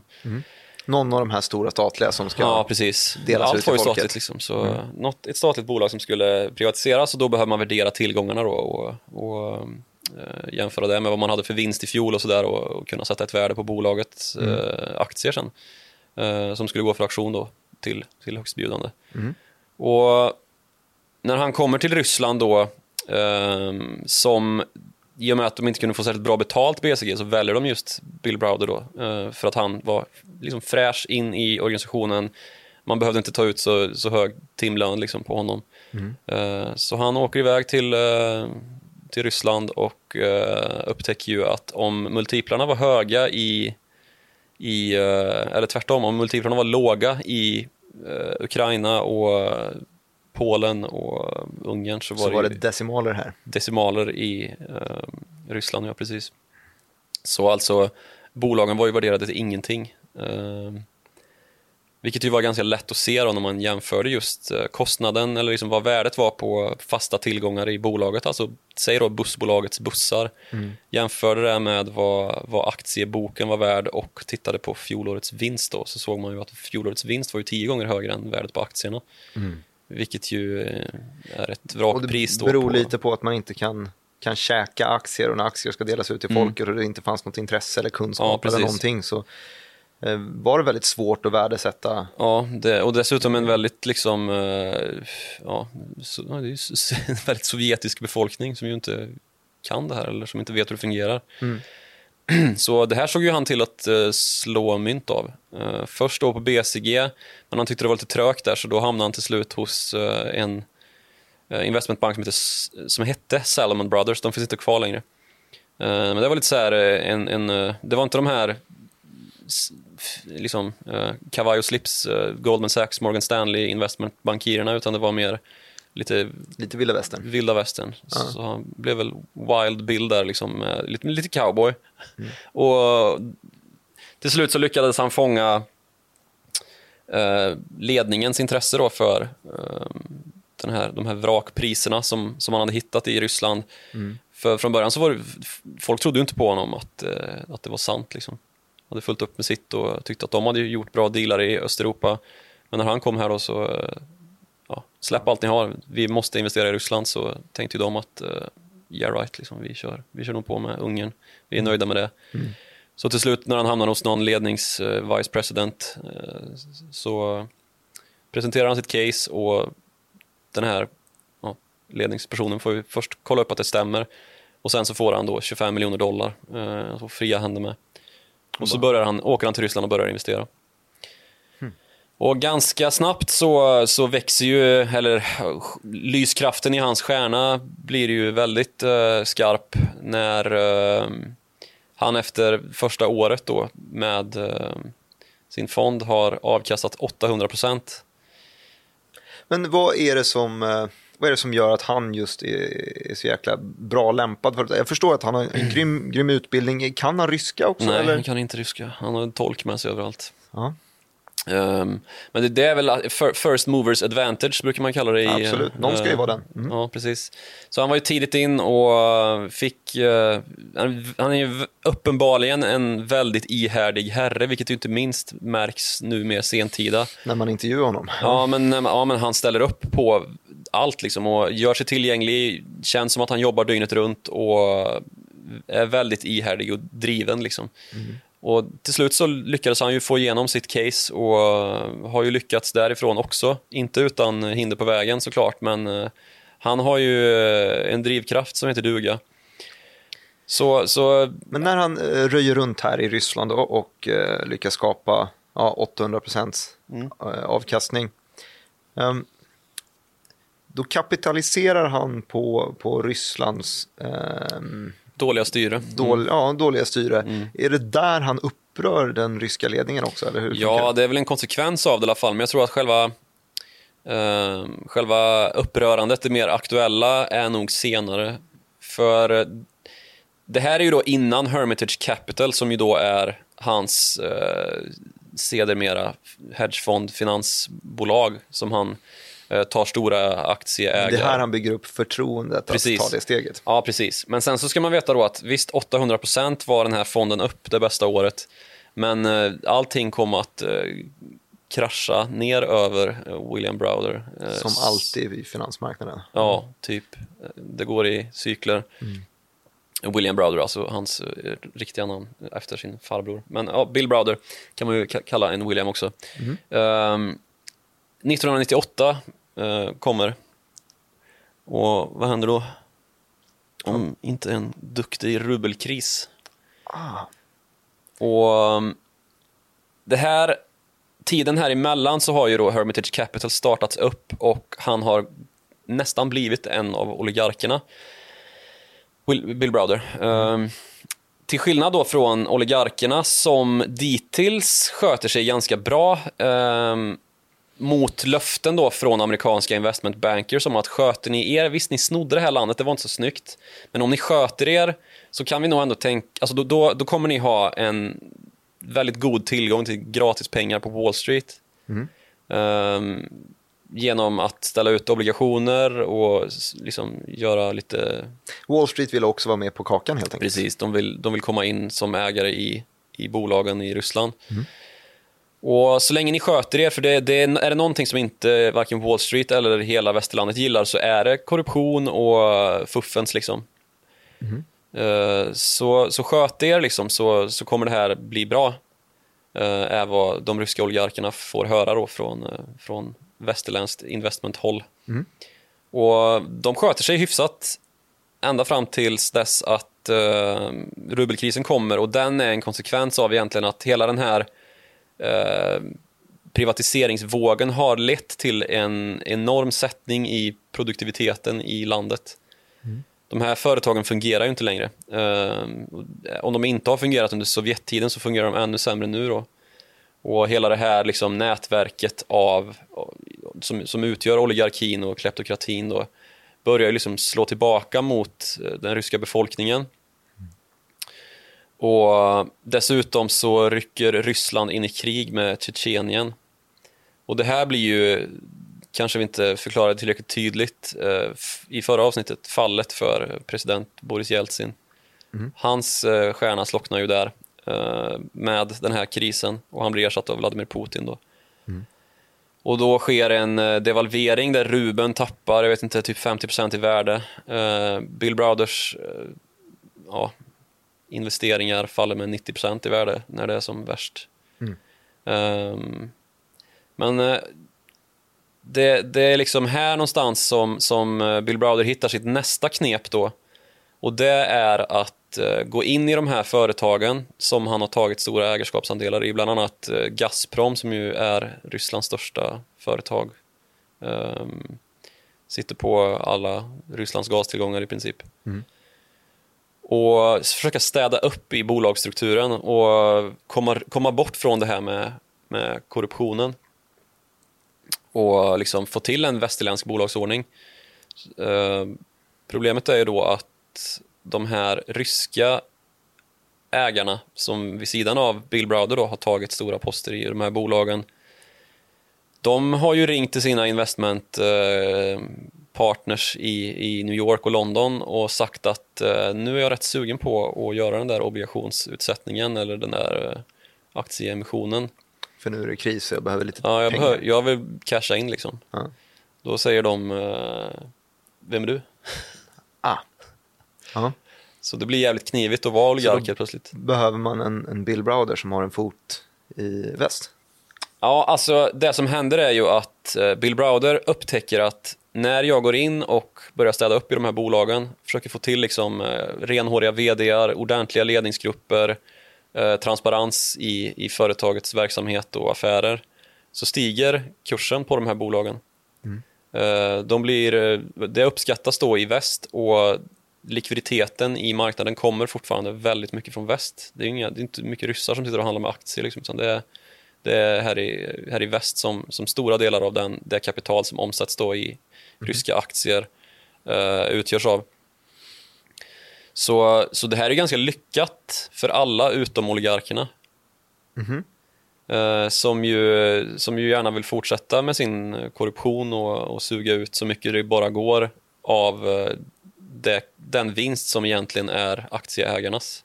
Alltså hela aktieägar, eh, boken. Liksom. Ehm, så här någonstans börjar ju motsättningen då mellan Bill Browder och, och Ryssland. Men ett tag så är alltså Hermitage Capital den största internationella investeraren i hela Ryssland, på hela den ryska börsen. Och det här, det här har vi inte helt klargjort, men det här skapar alltså då eh, Bill Browder efter eh, han slutar på Ja, Salomon precis. Brothers. Efter att han, så då, går då startar han, han, han eget. Ja, precis. Då startar han och Eugene Safra Hermitage Capital. Right. Ja, ehm, så där någonstans uh, ska vi se. Vad, vad ska vi prata om nu egentligen? Eh, där, har vi, tänker- där, har vi väl, där har vi väl pratat lite grann om flykten, flykten till, Rys, till Ryssland. Eh, Exakt. Flykten till Ryssland. Nu kanske vi ska komma in på flykten från Ryssland då. Ja, för han flyttar dit när, när övriga flyttar därifrån på Mm. något sätt. Eh, han har sin utbildning i, i, i Stanford, sin uppväxt i, i USA och när Sovjet börjar delas ut då börjar han Ja. få en fot in i det hela. Han bygger upp sin förmögenhet och sitt namn eh, i Ryssland under tidigt 2000-tal då antar jag. Mm. Eh, och sen så börjar han skapa fler och fler fiender. Ja, Eh, eller slutet av 90-talet och framåt så, så börjar han skapa sig fler och fler fiender. Eh, man ska ju säga att till, bör, till att börja med så är han ju ganska liksom, samma s- mål som Vladimir Putin. Att få ordning på ryska företag. Eh, skillnaden är ju bara att när Vladimir Putin kommer in i bilden så försöker han ta tillbaka från sitt håll då, eh, företagen till Rysslands, eh, ja, ryska staten. Eller skapa inflytande då. Det är ju så Ryssland styrs idag, liksom, via de här företagen. Problemet är ju bara att eh, Bill Browder vill ju ha en öppen marknad medan Vladimir Putin vill ha en stängd marknad. Så att eh, även om de har lite samma eh, metoder så, så är ju den e det ena sättet då, Bill Browders, det är ju det lag, liksom mer renhåriga sättet som, som vi i väst i alla fall tycker att man ska sköta bolag på. Vladimir Putin vill ju helst att allting ska förstatligas igen.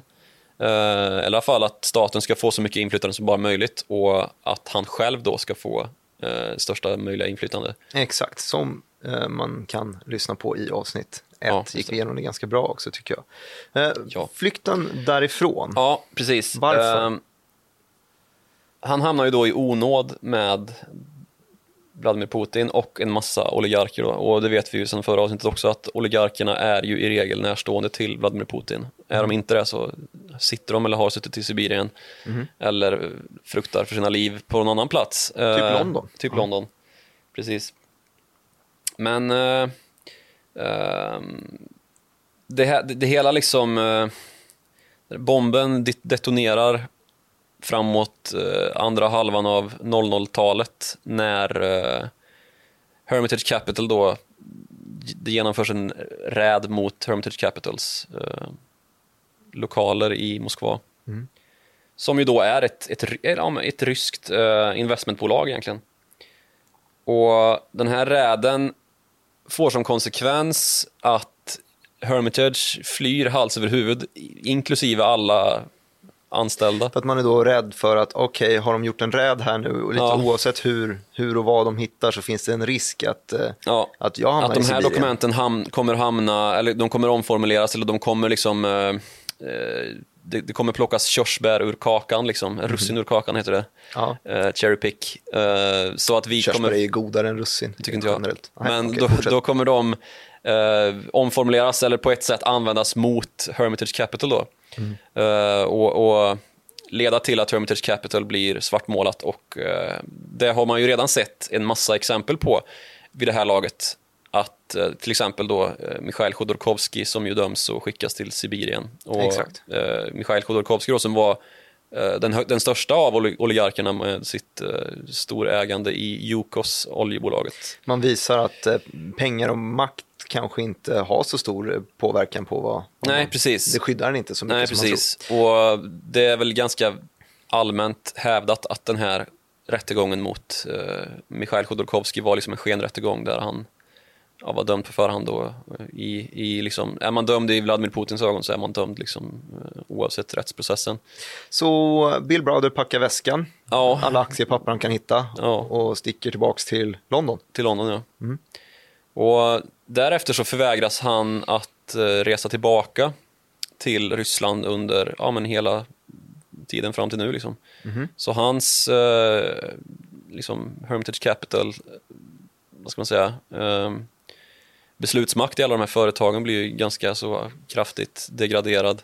Han kan inte åka dit och delta i några stämmor eller någonting. Nej, precis. Och det här är ju också lite grann en väldigt viktig händelse i, i hela liksom, finansryssland. Och väst, eh, västländer och EU och USA börjar ju då liksom dra öronen åt sig kring den här, det kan brukar kallas för suveränitetsrisk, just att eh, staten går in och liksom nästan konfiskerar tillgångar på det här sättet. Och att det inte finns liksom den här, den här eh, transparensen skiner med sin frånvaro. Liksom. Eh, just den transparens som Bill Browder försökte få till i de här ryska bolagen. Och den här konstanta liksom, nedvärderingen av ryska tillgångar har ju fortsatt sedan dess. Liksom. Det är ju väldigt mycket lägre vinstmultiplar på, på ryska bolag idag än vad det är i, i Just för att det finns en sån, en sån risk, en, Ja. en osäkerhetsfaktor som hela Ja. tiden eh, blir som en våt premiefilt Exakt. över värderingarna. Precis. Du, han anlitar en advokatbyrå i den här flykten. För den här fighten den, eh, den slutar ju inte direkt. Mm, Ehm, precis. vad, vem är det han träffar där? Ehm, han anlitar, jag vet inte om det är en advokatbyrå egentligen, men de, är, de jobbar väl med juridik och skatterätt och eh, lite allt möjligt. Ehm, Firestone Duncan heter de. Som är grundad av två eh, amerikaner som, som lite grann gör samma resa som Bill Browder gör, fast då jobbar med just bolagsjuridik och dylikt. Sätter upp kontor i Moskva och ehm, anlitar en herre som heter Sergej Magnitsky. Och det är ju ett namn som kommit att bli mer känt än Bill Brothers de senaste åren. Eh, det ska vi prata mer om i nästa avsnitt, men här kommer i alla fall Sergej Magnitsky in i bilden. Och det som händer då med uh, Sergej Magnitsky och det som senare ska bli Sergej Magnitsky, eh, liksom vila till grund för Sergej, eller Magnitsky-akten då, eller Magnitsky-lagen i eh, n- hittills sex länder tror jag, eh, bland annat USA. Där kongressen 2012 då instiftar Magnitsky-lagen. Kan du Det är ju mordet hisspitcha- på Sergej Magnitsky då, som sker i ryskt fängelse eh, 2008, 2009 någonting. Jag har låtit ordet hisspitcha utebli från podden i senaste tio avsnitten. Det tror jag så. ty- lyssnare tycker är synd. Ja, det är nog lite synd. Men nu, nu kommer den tillbaks här i Ja. sommaravsnitt, avsnitt två. Bill Browder, eh, den här mannen som vi har pratat om idag. Mm. Eh, Jag ber dig nu hisspitcha Magnitsky-akten, eller Magnitsky-lagen som du uttryckte. Vad är det för något? Magnitsky-lagen är då en eh, konvention som man nyttjar mot människorättsförbrytare i tredje land. Eller an, alltså ett land som inte har själva lagstiftningen kan man gå efter och det används ofta mot eh, ja, men människorättsförbrytare i Ryssland, används mot eh, kineser, eh, Vietnam finns det några som, som har Med ett blivit- praktiskt exempel, det hänger fortfarande, känns luddigt fortfarande. Mm, men säg då, eh, vi har till exempel alltså den här offensiva geopolitiken som har förts från ryskt håll då, ända sedan ja, Krim är ju en, en väldigt betydande liksom, händelse i den, den upptrappningen. Där eh, Vladimir Putins förtroendesiffror börjar falla. Han går in på, alltså eh, invaderar Krim, en ö där det finns rysk militär redan enligt ett gammalt eh, avtal. En rysk svarta, svarta havsflotta ligger där. Och han börjar liksom skapa en fiende för att kunna återta eh, förtroendet hos folket då. Och det blir lättare att styra landet. Och det är svårt att lägga sanktioner på en rysk president, men däremot så kan man ju lägga sanktioner på företag som bidrar till den här expansionen då, som Ryssland gör mot internationella lagar eh, som man har kommit överens om. Just det. Bland annat då så, det tydligaste exemplet är en bro som man bygger från ryska fastlandet ut till Krim. Och eftersom att hela det ryska finans och företagslivet ägs av de här oligarkerna som vi pratade om i förra avsnittet så går man på dem då. Ehm, och därigenom så blir det ett ganska bra, liksom, en ganska bra spjutspets där man straffar de här korrupta oligarkerna. Eh, som dessutom då bidrar till människorättsbrott eh, som man hävdar då i de här sex länderna som har skrivit lagen. Okej, så sättet man lyckas straffa det här är helt enkelt att man sätter sanktioner, man svartlistar företag som jobbar med det här brobygget. Det Mm. Ja, kan och vara personer de som, bakom företag då, oligarkerna själva. och när man då svartlistar det här och, och sanktioner, säger du, hur, vem är det som gör det och hur Ja, men yttrar det sig? det, det värsta för de här sanktioner, de eh, personer och bolag som, som får sanktion på sig, det är att de i princip utesluts från det internationella banksystemet. Eh, Vi har också pratat om hur många gånger som helst att liksom nio av tio eh, transaktioner på världsmarknaden fortfarande görs i dollar. Så om du inte har tillgång till att kunna växla pengar i en amerikansk bank då till dollar så är du ganska utelämnad. Eh, Du klarar inte av att göra några affärer då. Ja, och då finns det då, det förstår jag, och då finns det då ett gäng företag som såklart har fått de här sanktionerna på. Så jag tycker att det här är en ganska bra segway in till det som har fått eh, namnet Bill Browder att bli household i Sverige i alla fall. Mm. Nämligen eh, Danske Bank till att börja med, Ja, eller hur? precis. Penningtvätt, Ja. Swedbank. SEB här i dagarna. Ja. Ehm, det Går jag är för fort ju... fram? Ja, jag vet inte. Men nej, men det, det är väl en ganska bra segway ändå. Ehm, Då tar vi den. för det, det, det här är ju då... Det här är ju en, en väldigt stor fråga, den penningtvätt som har varit i eh, de nordiska bankerna. Verkligen. En härva som då har uppgått till 2000 miljarder danska kronor enligt Danske Bank själva då. Och det är ju runt Danske Bank eh, som den härvan har eh, varit. Det har ju varit kärnan i hela härvan. Och sen så inblandar man ju typ alla Europas banker för att banksystemet är så eh, sammankopplat liksom. Exakt. Men hela liksom penningtvätts mys- mystiken, eller vad man ska säga, var, alltså det, är- det är så himla mycket i den härvan så att det är svårt att liksom koppla den direkt till Bill Browder egentligen. Han har ju gjort väldigt stora nummer av att eh, det finns kopplingar då till Magnitsky-akten och Magnitsky-lagen. Och det som vilar till grund för den lagen och att den heter just Magnitsky-lagen, det är ju att Hermitage Capital eh, genom Bill Browder ju, som är ägaren till Hermitage Capital, hävdar att i den här, eh, när, när Hermitage Capital förbjöds att verka i Ryssland och eh, Firestone Duncan och Sergej Magnitsky då engagerades i Hermitage Capital och deras affärer och deras liksom, rättigheter i Ryssland så kom Sergej Magnitsky då som var en eh, skatte... Ja, en, en revisor. Så kom han att eh, komma över en massa fakta om eh, en transaktion då som hade gjorts från Hermitage Capital riktad mot eh, ryska staten i skatteinbetalning på 230 miljoner dollar som bara försvann, eh, hävdar då Hermitage Capital. Och det Sergej Magnitsky då ska ha upptäckt, det var vilka det var som hade snott pengarna. Okej, så, så Och- skatteinbetalning från Hermitage Capital ska gå till ryska staten. Mm. Hermitage Capital be- betalar fakturan. Ryska staten hävdar fortfarande att nej, vi har inte fått in några pengar. Precis. Eh, revisorn, aldrig har det varit så spännande att vara revisor som Sergej Magni- Magnitsky. Mm. Eh, upptäcker att det är eh, de här pengarna som man har betalat in har eh, snotts av någon annan. Ja, precis. Han Eh. upptäcker ju dessutom vem det är som har snott det då, enligt Bill Browder. Men det är inte eh, officiellt än. Ehm, nej, och det som händer är ju liksom att ehm, Bill Browder, eller vad säger jag, Sergej Magnitsky dör i fängelse ehm, några år senare. Under märkliga omständigheter. Under, det är ganska klarlagt vad det var som hände i det där fängelset. Han, han eh, utsattes för en fruktansvärd vanvård och, och dog i ett gallstensanfall. Och han blev misshandlad i fängelset och han, alltså ryska fängelser är ingen trevlig plats att vara på i största allmänhet kan man ju konstatera genom att kolla på någon schysst dokumentär. Men eh, det, var, han, det är liksom konstaterat att han dog på ett fruktansvärt vedervärdigt sätt. Liksom. Sen är det ju frågan om eh, hur, hur mycket som, som man visste då om det här påstådda skatteinbetalningssvindeln. Men det som Bill Browder då hävdar är att det finns en koppling mellan den här eh, det här skattebrottet, eller vad, det är inget skattebrott, är förskingringen som gjordes i, inom den ryska myndighetssfären någonstans och de nordiska bankerna.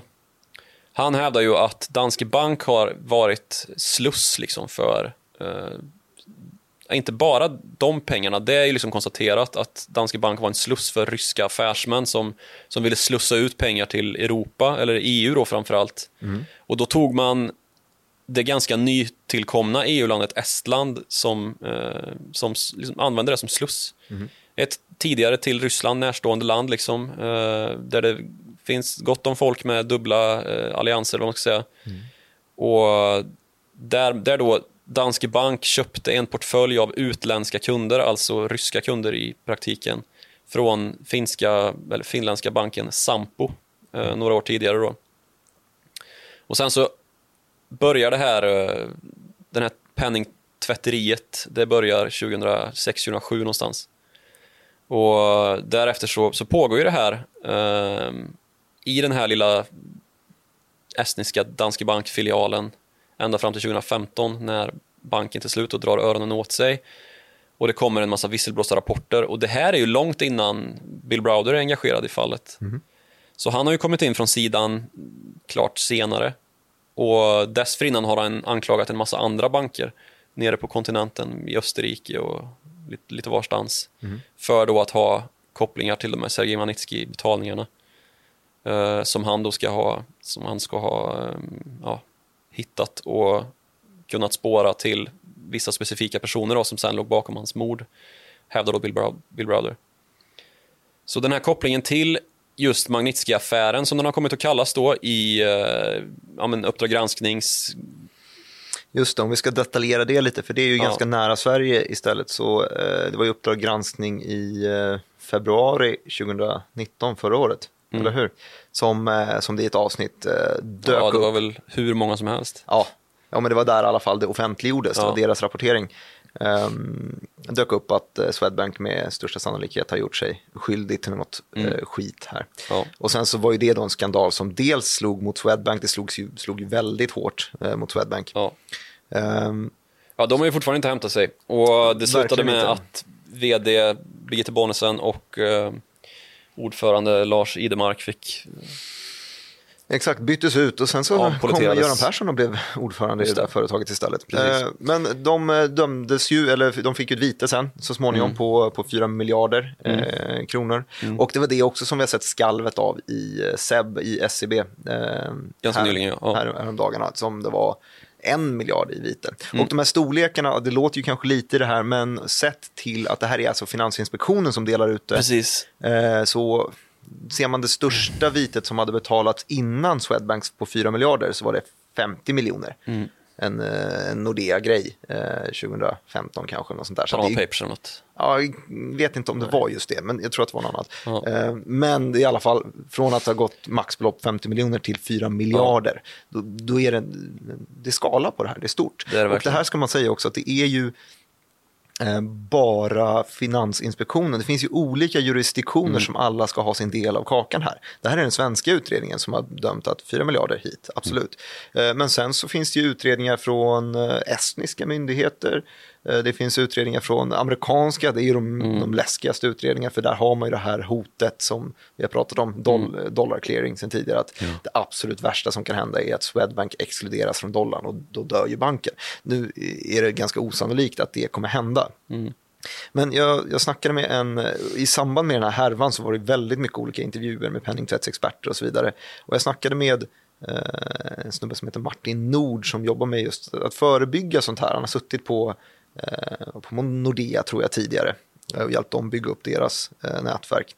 Um, och jag vet att jag ställde i alla fall en fråga, ja men du vad, eh, vad känner du, är det, kommer det dyka upp mer skelett i garderoben? Det här var ju ändå ganska många år sedan och det är ganska strikta, snabba lagändringar så det blir svårt för de här stora klumpiga bankerna att mm.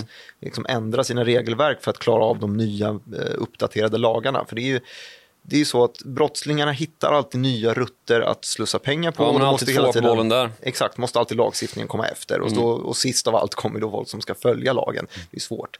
Och han, eh, när jag frågade, vad tror du, kommer det komma upp fler grejer? Då sa han, sa han fyra stycken meningar. Först sa han absolut och sen sa han 100 procent. Sen ja, ja, ja, ja och sen sa han det är ingen tvekan om det. Så att han, han, ja. han sa att det, det, är liksom, det är med allra största sannolikhet så kommer det dyka upp mängder med skit. Mm.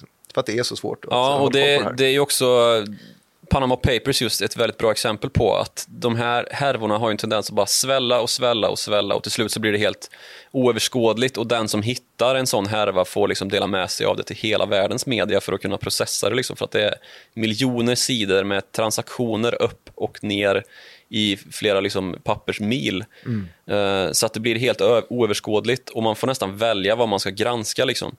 Så det, det, är klart att det, det, kommer svälla och Nordea har ju fått som sagt då en släng av sleven även de och de är väl kanske de som Bill Browder har varit på allra mest. Mm. Uh, och just påpekat, eller hävdat då att det finns kopplingar till Magnitsky-härvor. Och... Men de som blivit dömda här på senaste, eller dömda säger man väl? Uh, ja, fått böter. Fått böter, är ju danske Swedbank, ja. SEB, eller hur? De andra är än så länge bara, om vi ska vara... Ja, jag vet inte, fick danska, danska har ju inte fått böter i Sverige, men Nej. däremot eh, så, så är ju de under de tuffaste granskningarna förmodligen. Mm. Eh, eftersom att deras roll i det här har varit så gigantisk. Mm. Eh, nu är ju problemet där att den, den bankenheten man hade där, den är likviderad, eller liksom, den är inte kvar i Danske Bank längre. Eh, för banken blev liksom som juridisk person utslängd ur Estland av estniska finansinspektionen. Mm. Så där är det kanske svårt att utmäta ansvaret i den berörda banken. Och det ska man också veta liksom att den verksamheten var så mycket mindre och så mycket mer exponerad mot det här. Det var, så, det var mycket sämre skött där än vad det var i Swedbank och SEB. Mm. Och folk tappade hakan när eh, Thomas Borgen, dåvarande vd, klev in på den här presskonferensen och tillkännagav då att, eh, ja, just det jag sa här, att det finns inget stopp på det. Liksom. Det här är hur stort som helst, var i princip det han sa innan han tackade för sig, avgick och han är ju brottsmisstänkt nu mm. som ytterst ansvarig för att tillsynsarbetet, det egna interna tillsynsarbetet har varit så svagt för den här lilla bankenheten som har omsatt så fruktansvärt mycket pengar nästan bara åt ryssar då och slussat pengar från illegitim verksamhet i Ryssland till Europa då, via en massa korrespondentbanker och, och skalbolag utbetalning... i skatteparadis för att kunna använda pengarna sen då från de här brottsliga verksamheterna i Ryssland. Det är ju det som är penningtvätt egentligen, att man mm. tar man gör snor rent. pengar eller liksom eh, tar pengar från illegal verksamhet och sen eh, skeppar det någon annanstans mm. via ett transaktionsnätverk och, så att man kan använda dem. Um, så det, det, det, är klart att det kommer komma nya penningtvättshärvor. Uh, det är helt glasklart. Men problemet för Bill Browder då, om man ska liksom, uh, analysera vad han har haft för inverkan eller påverkan på det här, så tycker väl jag kanske att han har fått en alldeles för stor roll i att uh, liksom hävda att Magnitsky har varit det som, liksom en, nästan en drivande kraft och han har utmålats som liksom en eh, huvuduppgiftslämnare och en väldigt viktig sådan i alla de här fallen. Eh, Swedbank, SEB, Nordea, Danske Bank. Liksom. Det är inte säkert att det var så. Eh, han har lämnat in väldigt mycket anmälningar däremot och folk har fått skrämselhicka av att höra bara eh, Swedbank är kopplat till Magnitsky. Mm. Det har varit kursfall bara på den meningen liksom, när det har kommit ut i media. Mm. För att folk är så rädda då just om dollar clearing och vet vad, vad, liksom, vad som är kopplat till Magnitsky-lagen. Eh, men det finns liksom ingen direkt koppling mellan Magnitsky-affären, alltså härvan kring Sergej Magnitsky och Magnitsky-lagen. Utan det, det, är bara liksom ett, ett väldigt, väldigt välpassande verktyg.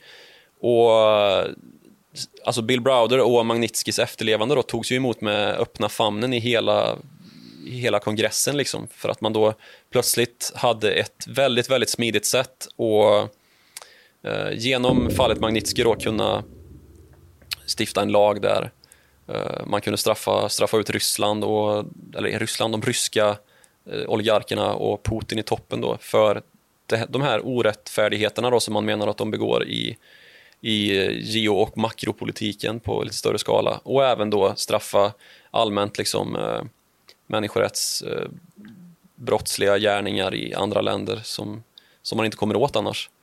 Jag tycker vi har knutit ihop det ganska bra. Vi började med eh, farfar Earl Browder ner till Felix Browder och till sen eh, William, William Browder då, eh, Bill. Bill Browder.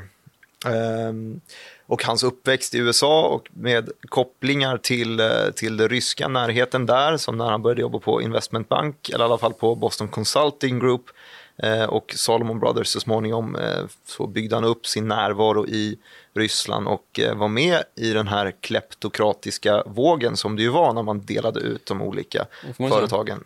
Ehm, skapade fiender i Ryssland och ehm, eh, när han skulle fly därifrån med sitt Hermitage Capital så var det eh, blodigt mellan han och ryska staten. Eh, Pengaförskingringar. Han anlitar Sergej Magnitsky bland annat från Firestone Duncan, eh, revisorn som fick eh, ta skottet helt enkelt när han fick eh, lyfta på fel papper som visade eh, saker som man inte ville skulle komma ut i världen. Enligt Bill, Bill Brother. Enligt Bill Brother. Ja, just det. Det är ju en hel sån klausul på det här avsnittet. Ja. För vi kommer gå vidare och det är det som är min fråga här nu till dig.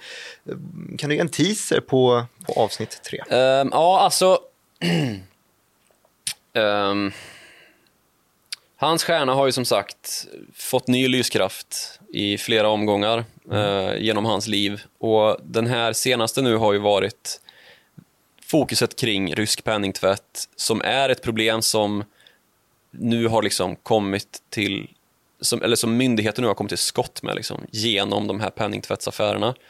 Där då Magnitsky-affären har kommit att bli den mest kända förmodligen, eh, som enskilt fall då den här påstådda skatteförskingringen. Eh, mm. Ehm, men alla de här anmälningarna som Bill Browder har lämnat in till myndigheter i hela Norden då, gällande Danske Bank, Swedbank och SEB och Nordea har ju lagts ner. Och ganska så kortfattat också att eh, de här brotten är antingen preskriberade eller helt omöjliga att utreda eller att de är eh, för små. liksom. Mm. Och där någonstans så växte ju ett litet intresse om eh, själva affären Magnitsky. Vad var det som hände? Vem är Sergej Magnitsky? Och var någonstans i eh, det geopolitiska spelet har Bill Browder egentligen kommit in i bilden? Det ska vi titta lite närmare på i nästa avsnitt. Spännande, så det kanske bara, det kanske, vi kanske bara har fått en sida av eh, Bill Browder-historien hittills. I don't know. I don't know. Stay tuned. Och gör det ni också som eh, kollar. Fortsätt kolla och fortsätt lyssna på oss på podcastapparna. Eh, det här är som sagt en liten sommarserie som fick handla om eh, Bill Browder. Det är en spännande historia och eh, häng kvar så får ni avsnitt tre alldeles snart. Och om man eh, nu har semester så kan man ju gå in och kanske lägga lite tid på att lämna en recension på Apple Podcast till exempel. Det kan man göra och man kan gå igenom också och kolla på gamla avsnitt. Vi bygger ju varje avsnitt så här så att eh, det är inte färskvara veckovis utan man kan lätt gå och kolla på gamla bankavsnittet, avsnitt 1 eller 2 eller 3 till exempel. Det är bra det. Det är ett bra avsnitt, har vi rekat. Ja, så kan man höra av sig till oss. Det tycker vi också är trevligt. Ja, dig kan man nå på Twitter, eh, snabla Joakim Ronning. Dig kan man också nå på Twitter, på snabla direktmartin. Och så kan man mejla till oss båda på followthemoney.direkt.se. Ha det så fint så hörs vi snart. Hej.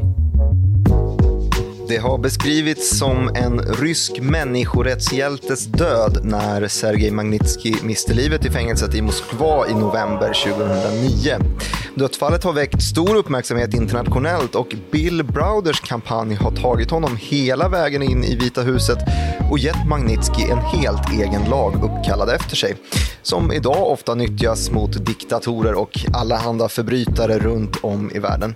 Bill Browders eh, framgångar med att straffa förbrytarna som först låg bakom förskingring av hans eh, 230 miljoner dollar och som därefter mördade revisorn och visselblåsaren Sergej Magnitsky när han på egen hand eh, ertappat och just skulle avslöja personerna bakom har dock lyst med sin frånvaro. I det här sista och rafflande avsnittet av Follow the Moneys sommarserie ska vi rikta uppmärksamhet mot fallet i sig. Hur ligger det egentligen till med Bill Browders bakgrund, Hermitage Capitals affärer och vem är det egentligen som smutskastar vem? Det här det är Follow the Money, en podcast om makt, storpolitik och finans och idag gräver vi djupare i fallet Magnitsky och ställer oss frågan, är Bill Browder egentligen en skojare? Joakim Rönning, du är utrikesredaktör och du är också hjärnan bakom det här historiska upplägget. För Ja. att eh, du har fruktansvärt mycket bättre koll på Bill Browder än vad jag har. Men jag har lärt mig mycket eh, och det här är ju del tre av vår serie. I den första delen så gick vi igenom lite rysk struktur, hur det landet har, har sett till och byggts upp egentligen, de stora Rysk företagen. struktur. Ja, Ja. det är väl inte fel? Nej, Nej, men... eh, det är väl till och med rätt. Ja. Och i eh, det andra avsnittet så gick vi igenom familjen Bill Browder eh, och avslutade väl ungefär med penningtvättsskandalen i, i Swedbank och Danske Bank. Och, SEB. Och SEB, exakt. Och, och Magnitsky han fick en ganska stor plats där också. Är det Ja, väl ungefär där vi borde Ja. börja idag? Eller Det vad får vi säger väl du? ta och göra. Ehm, just det. Vem är han? Han är en man som föddes i eh, Odessa 1972. Du tänkte den typen av historia? Ja, Ja. verkligen. Föddes Fortsätt, 1972. Ehm, tog sedermera jobb på revisionsbyrån och eh, bolagsjuristfirman Firestone Duncan som vi också pratade om en del i förra avsnittet. Då benämnde du det nästan som en advokatfirma Ja, jag vet. Jag vet. Det, Fladdrar här med informationen, Joakim Gör lite av varje. Eh, Men de, de jobbar ju med revision också, eh, som brukligt. Och där jobbade han eh, en väldigt stor del av sin tid med Hermitage Capital som ju är Bill Browders finansfirma som Den här fokus på... firman som startades upp i Ryssland efter att Mm. Han eh, hade gjort sig ett namn där som en av eh, kleptokraterna kanske. Ja, kan man väl säga. Mm, kul. En utländsk eh, oligark wannabe, Mm. Eh, just det, var ska vi komma därifrån då? Ja, men, eh, vi kan väl prata om hur han fick jobb på Hermitage och vilken typ av jobb han gjorde, eller? Ja, det här finns det ju lite... Om man ska tro på Bill Browder då och hans narrativ som ju har varit det som har fått publicitet i den här historien eh, helt och hållet och helt uteslutande så ju. Snyggt att du formulerar det på det sättet, för det är Tack. viktigt här att det finns två stycken Ja, sidor av det samma mynt. är ju en viktig del av vår eh, berättelse här. Ja. Och vår Ehm, yrkesetik. vår yrkesheder. Ja, Ja. det. Han eh, börjar enligt Bill Browder då främst jobba med Hermitage Capital när Hermitage Capital i princip körs ut ur landet, eller i alla fall eh, Bill Browder körs ut ur landet. 2007 kanske, något sånt där, när han ska Ja, fly från Ryssland, när Putin är lite lack på honom. Ja, kan man väl säga. Det som har hänt då är ju att eh, Hermitage Capitals kontor blir eh, utsatt för en gryningsräd av eh, rysk finanspolis. Och Bill Browder hävdar ju att det här rör sig om en riktad insats för hans ja, verksamheter där han försöker städa upp ryska bolag. Han är den goda sidan. Rysk finanspolis hävdar naturligtvis att det har att göra med Hermitages sätt att göra affärer. Eh, att man inte betalar den skatt som man är skyldig och dylikt. Och här är ju då gränslinjen dragen mellan de olika versionerna. Eh, nu ska vi väl kanske börja med att säga att man kan inte lita på ryska myndigheter. Det kan vi väl bara krasst konstatera. Men det är i alla fall så det ligger till då att det är några polismän som får eh, i uppdrag då att utreda Hermitage Capital och därigenom också Firestone Duncan Just det. och de revisorer och jurister då som har jobbat för Hermitage Capitals räkning, Exempelvis Sergej Magnitsky. exempelvis Sergej Magnitsky, ja, som då eh, visade sig har egentligen jobbat för Hermitage Capital ända sedan åtminstone 2002, så alltså minst fem år längre än eh, den, det tillfället när, när gryningsräden genomförs då mot Hermitage Capital. Det är väl inte så konstigt i sig att man har ett, eh, ett juridiskt ombud om man är en Nej. stor investmentbank, störst till och med i landet. Eller hur? Eh, och ehm, Bill Browder beskriver ju eh, Sergej Magnitsky som en eh, jurist, en advokat. Hans advokat i Ryssland är ju det han kallar honom. Men du har ju tidigare sagt att han är revisor. Precis. För han är nämligen inte advokat. Här är då första eh, sidan av det andra, Mm. av samma mynt, helt enkelt. Spännande, fortsätt. Han eh, är inte advokat, han är, han är en revisor. Eh, skatterättsexpert förvisso, men han är inte jurist. Eh, och varför det är intressant? Ja, det är väl lite grann för att sätta ljuset på eh, lite grann Bill Browders trovärdighet. Liksom. Ehm, och det visar sig enligt de här ryska dokumenten då att Bill Browder och Sergej Magnitsky har haft samröre då från 2002 när eh, och bland annat då så har eh, Sergej Magnitsky fått verka som eh, dotterbolags-VD till ett av Hermitage Capitals kreativt utformade dotterbolag och kreativt utformade dotterbolag, de brukar ju ofta vara kreativt just i den mening att det blir lite mindre skatt att betala Precis. eller att man slipper vissa skyldigheter. Precis, för Hermitage Capital är inte bara ett bolag utan det är flera då. Mm. Och när man har flera bolag i finansbranschen, särskilt på den här tiden, så satte man ganska stor andel av dem för att komma undan så mycket skatt som möjligt i skatteparadis. Så ser det ju ändå ut idag också får man väl ja, säga. får man säga. Men det blir svårare och svårare, mm. förhoppningsvis i alla fall. Hermitage Capitals dotterbolag uh, fanns i viss koncentration i alla fall på, på Cypern. Mm. Och man hade enligt rysk finanspolis då betalat alldeles för lite i skatt uh, för att man hade hävdat, pekat på ett, uh, ett avtal då mellan Ryssland och Cypern som, som finanspolisen hävdade inte gav dem rätten att betala blott 5 i bolagsskatt Mm. När de egentligen var skyldiga snarare 15. Känns som samma historia upprepas även, ja. även idag om man får komma dit. Ganska många stora ja. imperialistiska bolag som finns runt om i världen. Ja, vi har eh, pratat om Irland och dylikt. Exakt. Eh, ja. Luxemburg. I alla fall. Eh, de här kreativa skatteuppläggen då, som ju är ganska vanliga, eller var i alla fall ganska vanliga i finansbranschen. Ett av de eh, mest i ehm, som det pekas på i eh, några av de rättsliga avgöranden som trots allt finns i det här fallet, för det är ju väldigt många då som har pekats ut och som har stämt kors och tvärs för eh, förtal då. Mm. Från, från vilket håll bara så att vi får det här rätt? Ja, först och främst så rör det ju två stycken polismän. Uh, en som heter Kuznetsov och en som heter Karpov. Mm. Och sen så rör det också en rysk eh, mångmiljonär i Storbritannien som eh, heter Katsiv. Alla tre på K, de kan vi komma ihåg. Mm, Kuznetsov kommer jag också komma ihåg, för där har vi en NHL-spelare som heter också. Mm, någon hockeykille, tänker jag. Ja, så är det Just det. Ingen, eh, känd, ingen känd koppling däremellan. Nej, det hoppas jag. Ja, eh, de här stämningarna då har ju lämnats in till bland annat eh, domstolar i eh, Ryssland, i Storbritannien där Bill Browder är hemmahörande och i New York. Um, och ingen av dem har fällt för att de har saknat um, de har ansett sig sakna jurisdiktion över fallet i sig. Den mm. enda, det enda liksom avgörandet som har fällts är i fråga om uh, um, Europarådet som har gett en, eh, en, ett skadestånd till Sergej Magnitskijs efterlevande och som har eh, som då tvingat, eller tvingat, de har beordrat Ryssland att betala 34 000 euro till hans familj. För? Ja, för att han dog i det här fängelset, kort, okay. kort och gott. Men det har ingenting med själva Hermitage Capital att göra, utan det där är Nej. mer att han dog. Precis. Och det är ju faktiskt en, eh, vi nämnde det i, i avsnitt två, faktiskt att han dog, det är ingen hemlighet där och Nej. vi nämnde det i introduktionen här också, just att han inte lever längre. Ja. Men det är ju sättet han dör på som är intressant också, för vi har två historier. Mm. En som hävdar att han eh, blev mördad och en som eh, hävdar att han mm, miste livet bara mm. i, i fängelse eftersom att det är hårt där. Mm.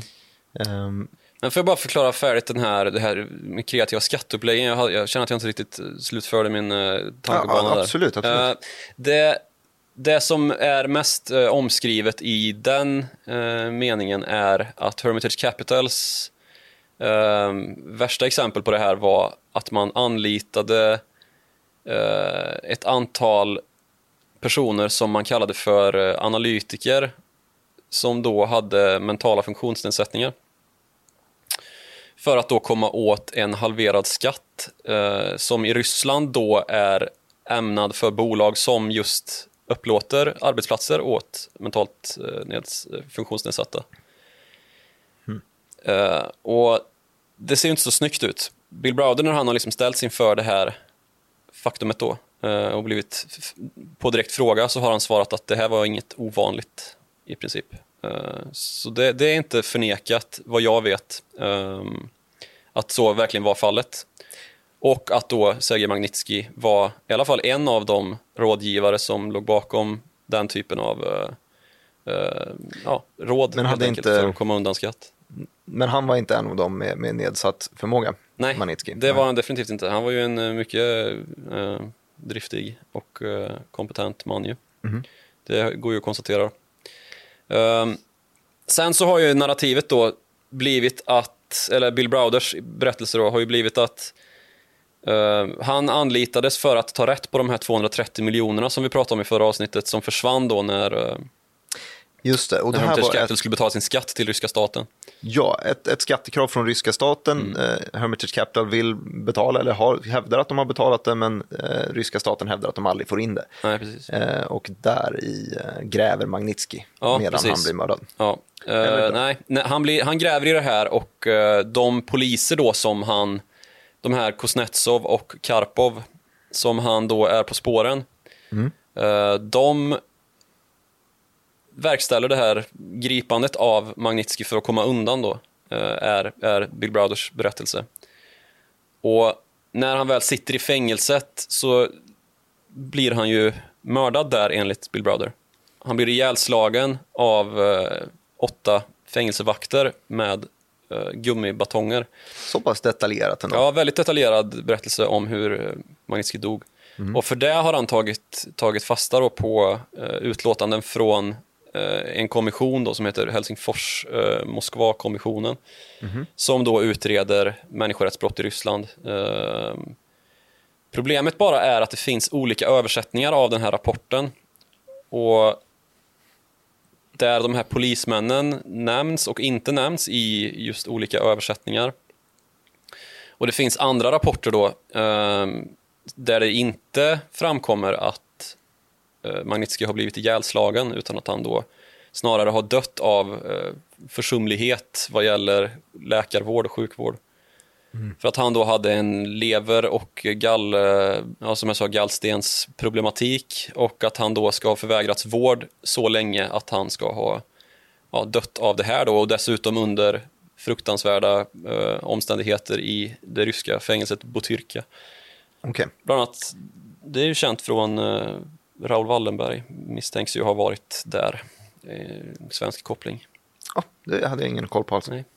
Eh, Men så att eh, historierna skiljer sig då alltså i att vissa rapporter hävdar att han blev mördad, vissa rapporter hävdar att han bara blev vanvårdad till döds. Precis. Um, och den här, hela den här historien om uh, Hermitage Capitals uh, snåriga bolagssammansättning har ju helt uteblivit ur den rapportering som florerar och florerat uh, i väldigt stor skala i västerländsk press. Och alla medier har ju varit på det här. Liksom. Men jag tycker att det är en ganska lång väg att gå från en kreativ eh, liksom, Mm, eh, bolagsuppbyggnad till mord. Alltså Ja. det är ju väl, de flesta bolag försöker liksom optimera sin bolagsstruktur för Absolut. att minska skatten. Absolut, så är det ju. Så hur tar det här vidare oss i historien? Nu kan vi Magnitsky. Ja, ehm, Bill Browder bedriver ju den här kampanjen då f- för att få eh, sin bild av det här igenom. Att Sergej Magnitsky har blivit mördad och att han vill eh, dels få rättvisa för Sergej Magnitsky, eh, ta reda på vem det var, eller få rätt på den som gjorde det och ställa vederbörande till svars. Liksom. Men också då att på större skala få till eh, ett verktyg då för att hantera utländska människorättsbrott, särskilt då förknippat med Ryssland och den korruption som finns där som han har blivit vittne till då som, som affärsman.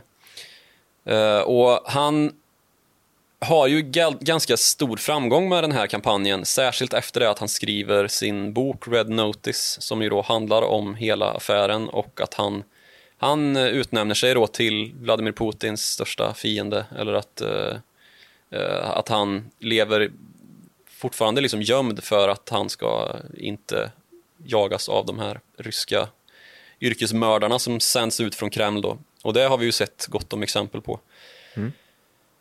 Så Så han går ut i, i kampanj här Precis, efter döden ju- november 2009. Så, så mm, använder han den här eh, Magnitskys död då lite som en martyrdöd för att Ja, han, han kallar ju honom för en visselblåsare och för en människorättshjälte. Liksom. Eh, och, och börjar då kampanjen för Magnitskis eh, Var kampanjar han? minne. Eh, han, han har sitt kontor i Finsbury i London. Och, men kam kampanjen är ju väldigt global och han är amerikan i grund och botten. Så mycket av det arbetet sker ju mot Vita huset och den administration som sitter där då i form av Obama. Just det.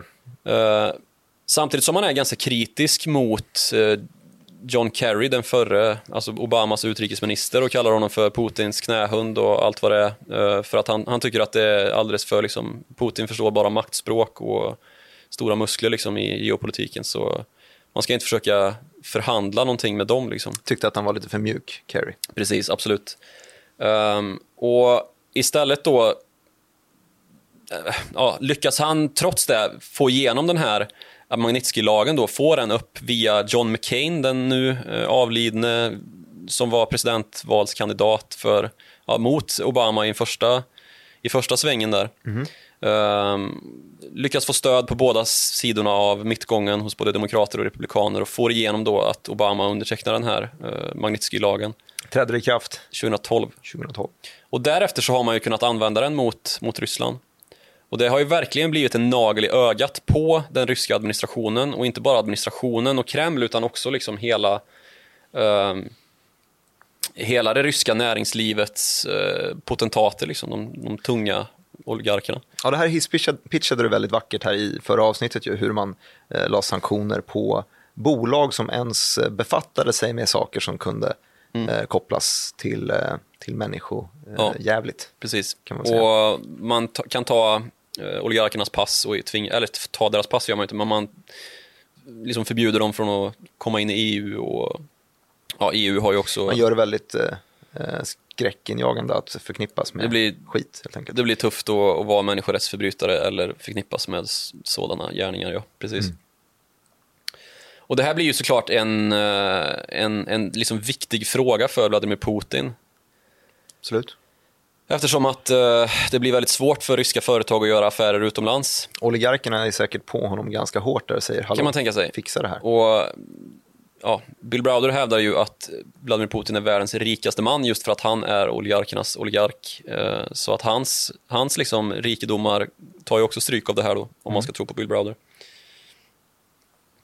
Sen så lever vi ju igenom hela, hela Obama-administrationen. Mm. Uh, och under den tiden så sker ju invasioner av Krim. Uh, vi har en massa stök i Ukraina i största allmänhet. Det skjuts ner passagerarplan, MH17, uh, som vi alla minns när 300 holländare och malaysier omkom. Mm. Så det är ju liksom grava människorättsbrott som de här sanktionerna kan, kan riktas mot. Uh, och så blir det dags för nästa uh, presidentvalskampanj. Just det, för Obama sitter 2008 till 12 och sen 12 till 16. Ja. Och uh, där så var det ju då en stor kamp mellan Trump och Hillary och vi vet ju vem som vann det valet. Precis. Och ganska så snart efter, eller redan under den här kampanjen så framkommer det ju uppgifter om att Ryssland ska ha hackat uh, Hillary Clintons mailkorg. Det är ju då epitetet Crooked Hillary uh, vädras för första gången. Mm. Just det. Och valda delar då av hennes mailkorg läcks och kan då användas av Trump-kampanjen för att måla ut henne som just crooked. Eh, och det rör ju bland annat eh, hanteran, hanteringen av Benghazi, alltså invasionen av konsulatet i, i Libyen, i Benghazi, där konsuln till slut mördas och det är det är ingen vacker syn den här mail, eh, de här läckta mejlen. Nej. Och det får ju verkligen fäste i väljarkåren också. För Trump har ju dessförinnan ganska tufft med opinionen. Ja, det såg ju faktiskt eh, det såg ju risigt ut fram till valdagen. Ja, det såg fortfarande risigt ut på, på valdagen och alla var ju säkra på att Hillary skulle vinna, men det gick som det gick. Mm. Uh, I alla fall, under den här kampanjen så är det konstaterat då att det görs kontakter mellan Trump-kampanjen och Ryssland. Okej, okay, så innan Crooked Hillary, eller vilken, ja. vilken tidsaspekt pratar vi om här? Det här är ju då innan Crooked Hillary och det här är ju det som hela ryssutredningen, den så kallade Mueller-rapporten, kommer att uh, uh, cirkulera runt.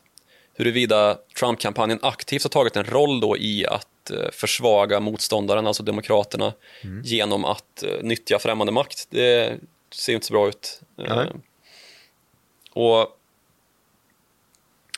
det som sker då, som jag konstaterat, är att det sker ett möte i Trump Tower mellan eh, på, på amerikansk sida då, så är det svärsonen Jared Kushner, idag senior rådgivare med, eh, jag vet inte vad, i Vita huset.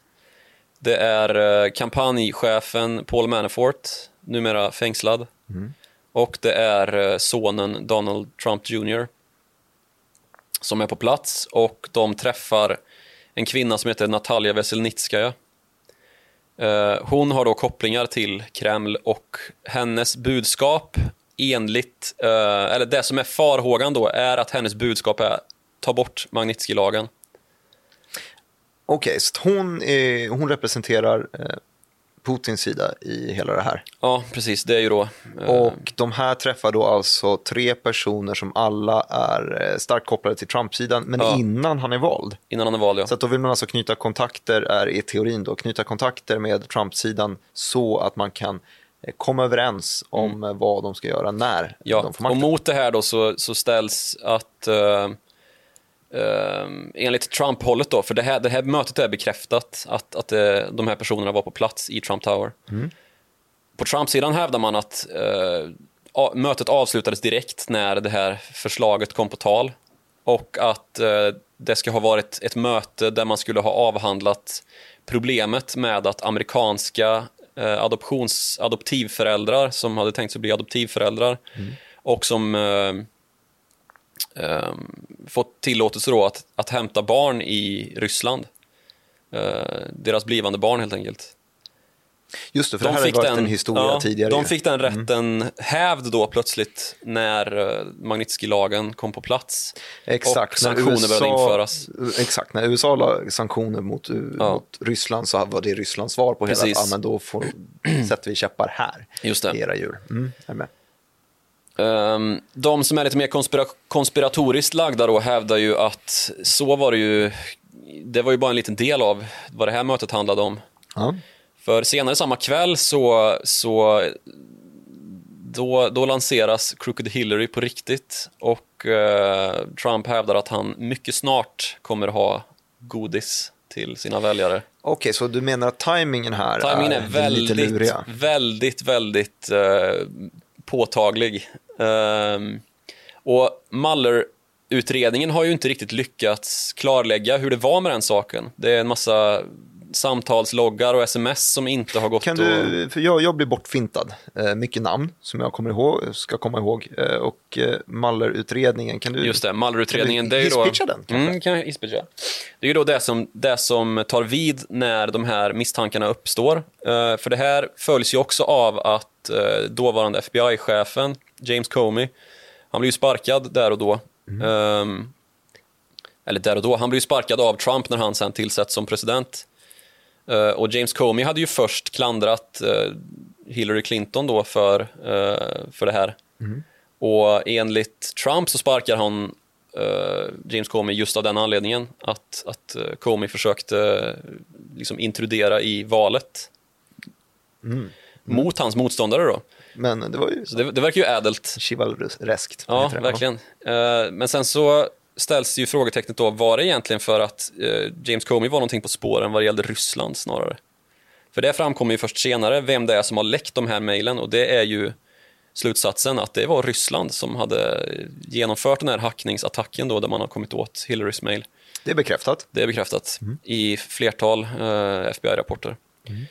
Och eh, den som genom, då, det som vidtar då är eh, Robert, Robert Mueller, den före detta FBI-chefen och eh, åklagaren, som då tillsätts som specialåklagare i det här fallet och ska utreda eh, med total sekretess och eh, det lyckas man ju med. Det är ju väldigt hysch om det här i eh, över ett, ja, i flera års tid.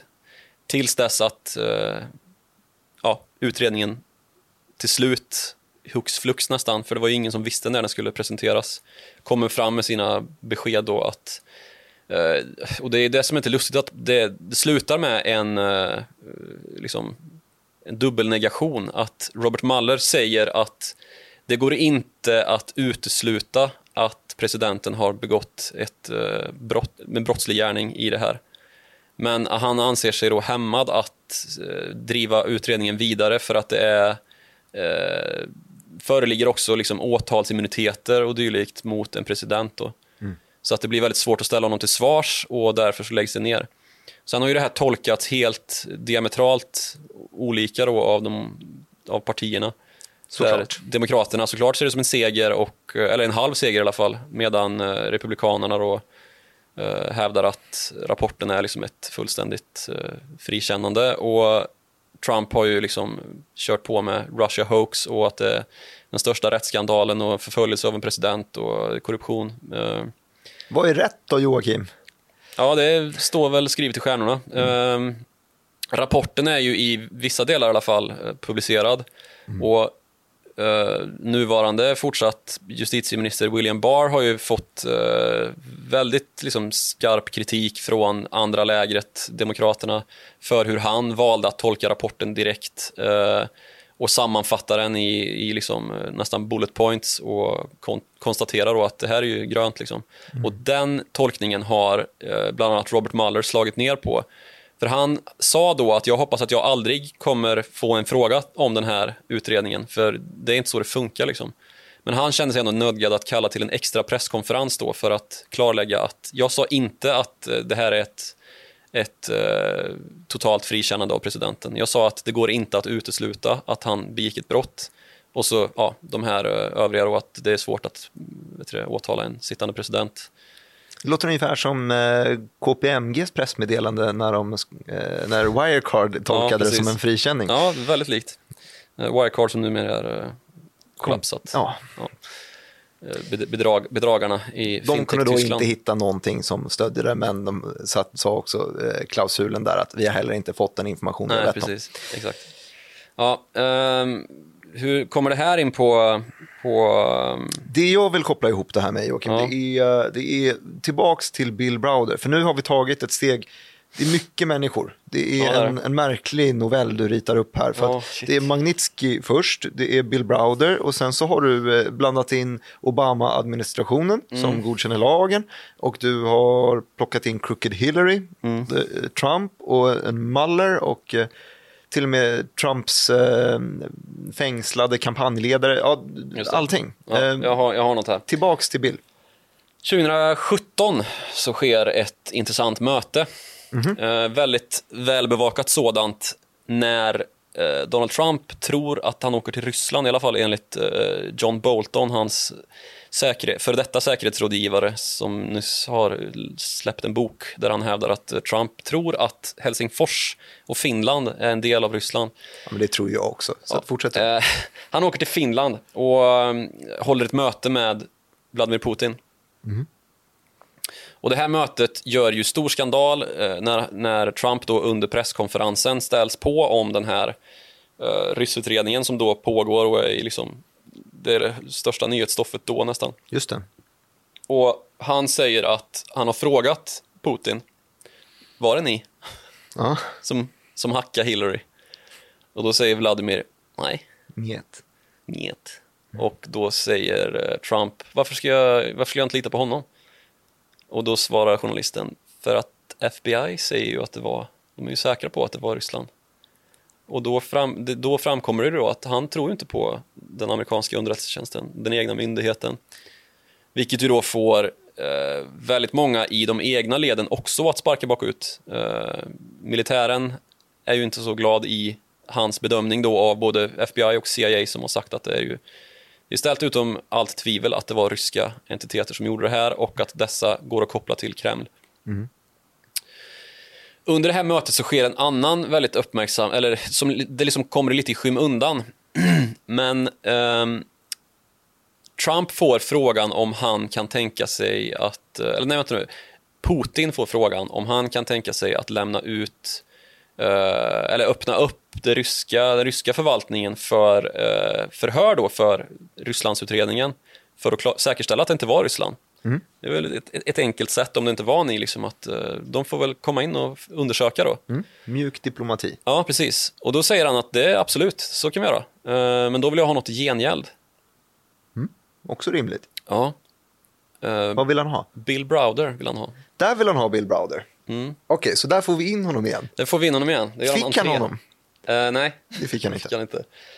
Och det, det, är ju liksom en, en, eh, som sagt, det kommer ju lite i skymundan, men, men han är då en av dem som, eh, som Putin liksom omtalar som... Det här styrker i alla fall eh, den teorin i Bill Browders bok där han säger att han är Putins största fiende. Ja. Om det är ett av grejerna han, mm. han gärna vill byta för. Absolut. Det, det, det är kanske lite krass beskrivning också, mm. som jag la mig till med här. Men ja, det, det, är liksom kontentan av det. Uh, att att uh, han, han är på den geopolitiska nivån har han kommit, dit har han kommit i alla fall då 2017. Mm. Sen så vidtar ju den här liksom, uh, offensiven här, här, mot Norden med de svenska och dans, Danske Bank härvorna. Mm. Men det, och där kommer han ju liksom in i det nordiska narrativet. Men, ja, det är där han blev känd för mig. Ja, precis. Det var väl för de flesta. Eh, men boken släpptes ju betydligt tidigare än så och jag tror utan den så hade det nog inte blivit någon Magnitsky-lag för den var ju en liksom, New York Times bestseller. Mm. Uh, och, och den, var, den var väldigt, väldigt omtalad när den kom där i början på 10-talet. Um, ehm, och det här, det här har ju liksom visat sig vara en helt perfekt story liksom för politikerna. Uh, att liksom anamma Sergej Magnitskys död då Mm. Och, och, berättelsen om hans död som stärks då av Bill Browders egna uppgifter. Ja, men det gäller ju att ha folket med sig om man ja. ska eh, mynta en, en, ny lag som är, ja, precis. Som, eh, är hård mot de utländska liksom, relationerna med, med övriga länder. Eh, så det är klart att tajmingen där tar man ju vara på. Ja. Men vad är, om du skulle säga slutsatsen av det här, historien är ju inte slut helt enkelt. Det är Nej. där det är, för att Bill Browder verkar ju eh, fortfarande och dyker upp i intervjuer då och då. Ja, precis. Men frågan som inte ställs tillräckligt ofta kan jag tycka är om Alltså att Sergej Magnitsky är död är liksom, det, det är han. Mm. Och att han dog på ett fruktansvärt och orättfärdigt sätt, det kan man också konstatera. Mm. Om man blev mördad eller inte går inte att säkerställa med så hög säkerhet som som Bill Browder hittills har hävdat. Då. Mm. Ehm, det framgår av alla de här stämningarna som, då, som jag berättade om som har kastats kors och tvärs. Där bland annat en domare i London i ett sånt här fall där, där, det kom, där, där en, domaren kommer fram till att har, vi har inte jurisdiktion över det här. Men om det hade varit så så hade Bill Browder definitivt fallit under eh, förtal.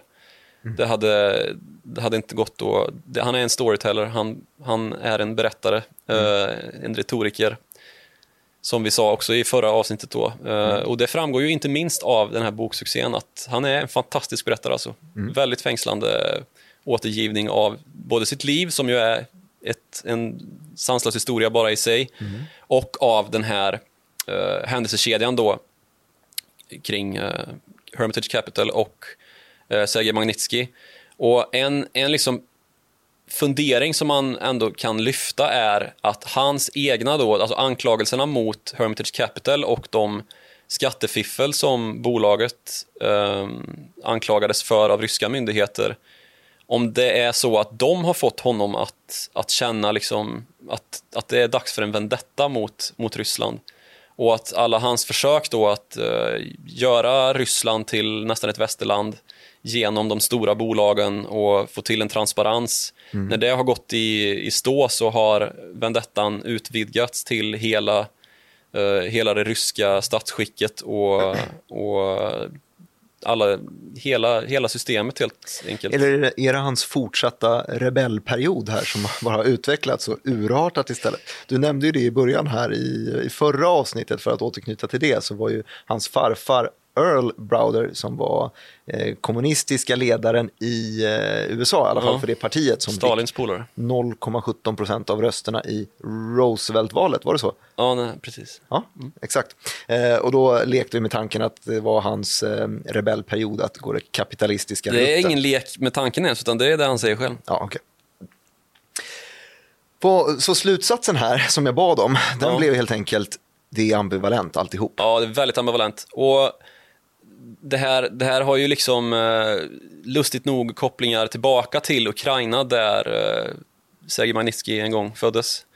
Eh, för i den valprocess vi närmar oss nu i USA så har det ju skett en ny stor eh, skandal där USA då, eller där Donald Trump har hävdat att den här hackade servern som eh, de ryska hackarna kom åt, att den finns i Ukraina. Och att eh, det ska finnas kopplingar till ett bolag som eh, eh, Joe Bidens son har suttit i styrelsen för, ett gasbolag. Man knyter ihop allting istället. Ja, Spännande eh, anklagelse. Att då den här servern ska kunna bevisa att det var inte alls ryssar som, som satt på hackningsattacken. Men vadå, så att han, han tänker att eh, sätta samma, sa, samma epitet på, på Biden som på Hillary då? Ja, precis. Nu har det blivit Sleepy Joe istället. Ja, jag tycker det är mer karismatiskt än Gulligt. Crooked. Tycker det är jag. det. Han är duktig på epitet. Ja, det är han verkligen. Eh, Och Mike, eh, John Bolton har ju också blivit uh, Bookdeal Bolton eftersom att han vägrade att uh, vittna inför kongressen när eh, den här ryss... eh, eller ja, när den här Ukraina-härvan skulle upp. eh, det var ju därför Trump ställdes inför riksrätt ju. Men eh, ja, det, blev, det blev inte så mycket av de här vittnesmålen som Demokraterna hoppades på och att man skulle kunna vända senaten då till att uh, underkänna Trump som president. Eh, ja, det kan- blev en bok istället och den har drar han nog in en del deg på om han inte blir av med det för att han har begått någon typ av ja, förtals eller ja, landsförräderi. eller något. Ja, någonting kan det bli. Det är, en, det är en jäkla historia. Jag känner här att det finns utrymme för, det här har ju varit avsnitt 1, 2 och 3 med, med Bill Browder som gemensam nämnare får man väl säga, även om Mm. man han inte har varit fokus hela tiden. Eh, det kanske blir ett avsnitt 4, 5 och 6 till nästa sommar, eller vad säger du Joakim? Ja, vi kan följa upp. Men först och främst hoppas jag att det blir en blooper reel. En blooper reel, ja, En vi har, bakom kulisserna. ja för det här, Det har ju det har kostat en del. Skjortknappar, eh, skjortor, soffor, eh, mikrofoner. Jag har ju vält ut två kaffekoppar i alla fall. Ja, eh, och jag har, jag har vält ett bord, lyckats göra. och eh, surit i eh, ett antal sändningar. Men det har vi klippt bort i det här avsnittet. Men det kanske kommer ett blooper reel så småningom. Eh, tills dess så får jag tacka så mycket för att ni har hängt med och, och kollat. Ni som kollar via YouTube, där går det ju att klicka tumme upp och prenumerera på kanalen och kommentera precis allt möjligt. Vi tycker det är skitkul med kommentarer. Ja. Eh, det går också att kontakta oss via Twitter. Dig når man på snabel Joakim Ronning. Och dig på snabel Direkt Martin. Exakt, det här känns jäkla inövat nu att Mm, vi presenterar varandra. Eh, och eh, man når oss också via mail på followthemoney@direkt.se. Eh, ha, ha det jättefint, ha en jättefin sommar Ja. så, så ses vi när vi dyker upp igen. Det bör inte vara så lång tid.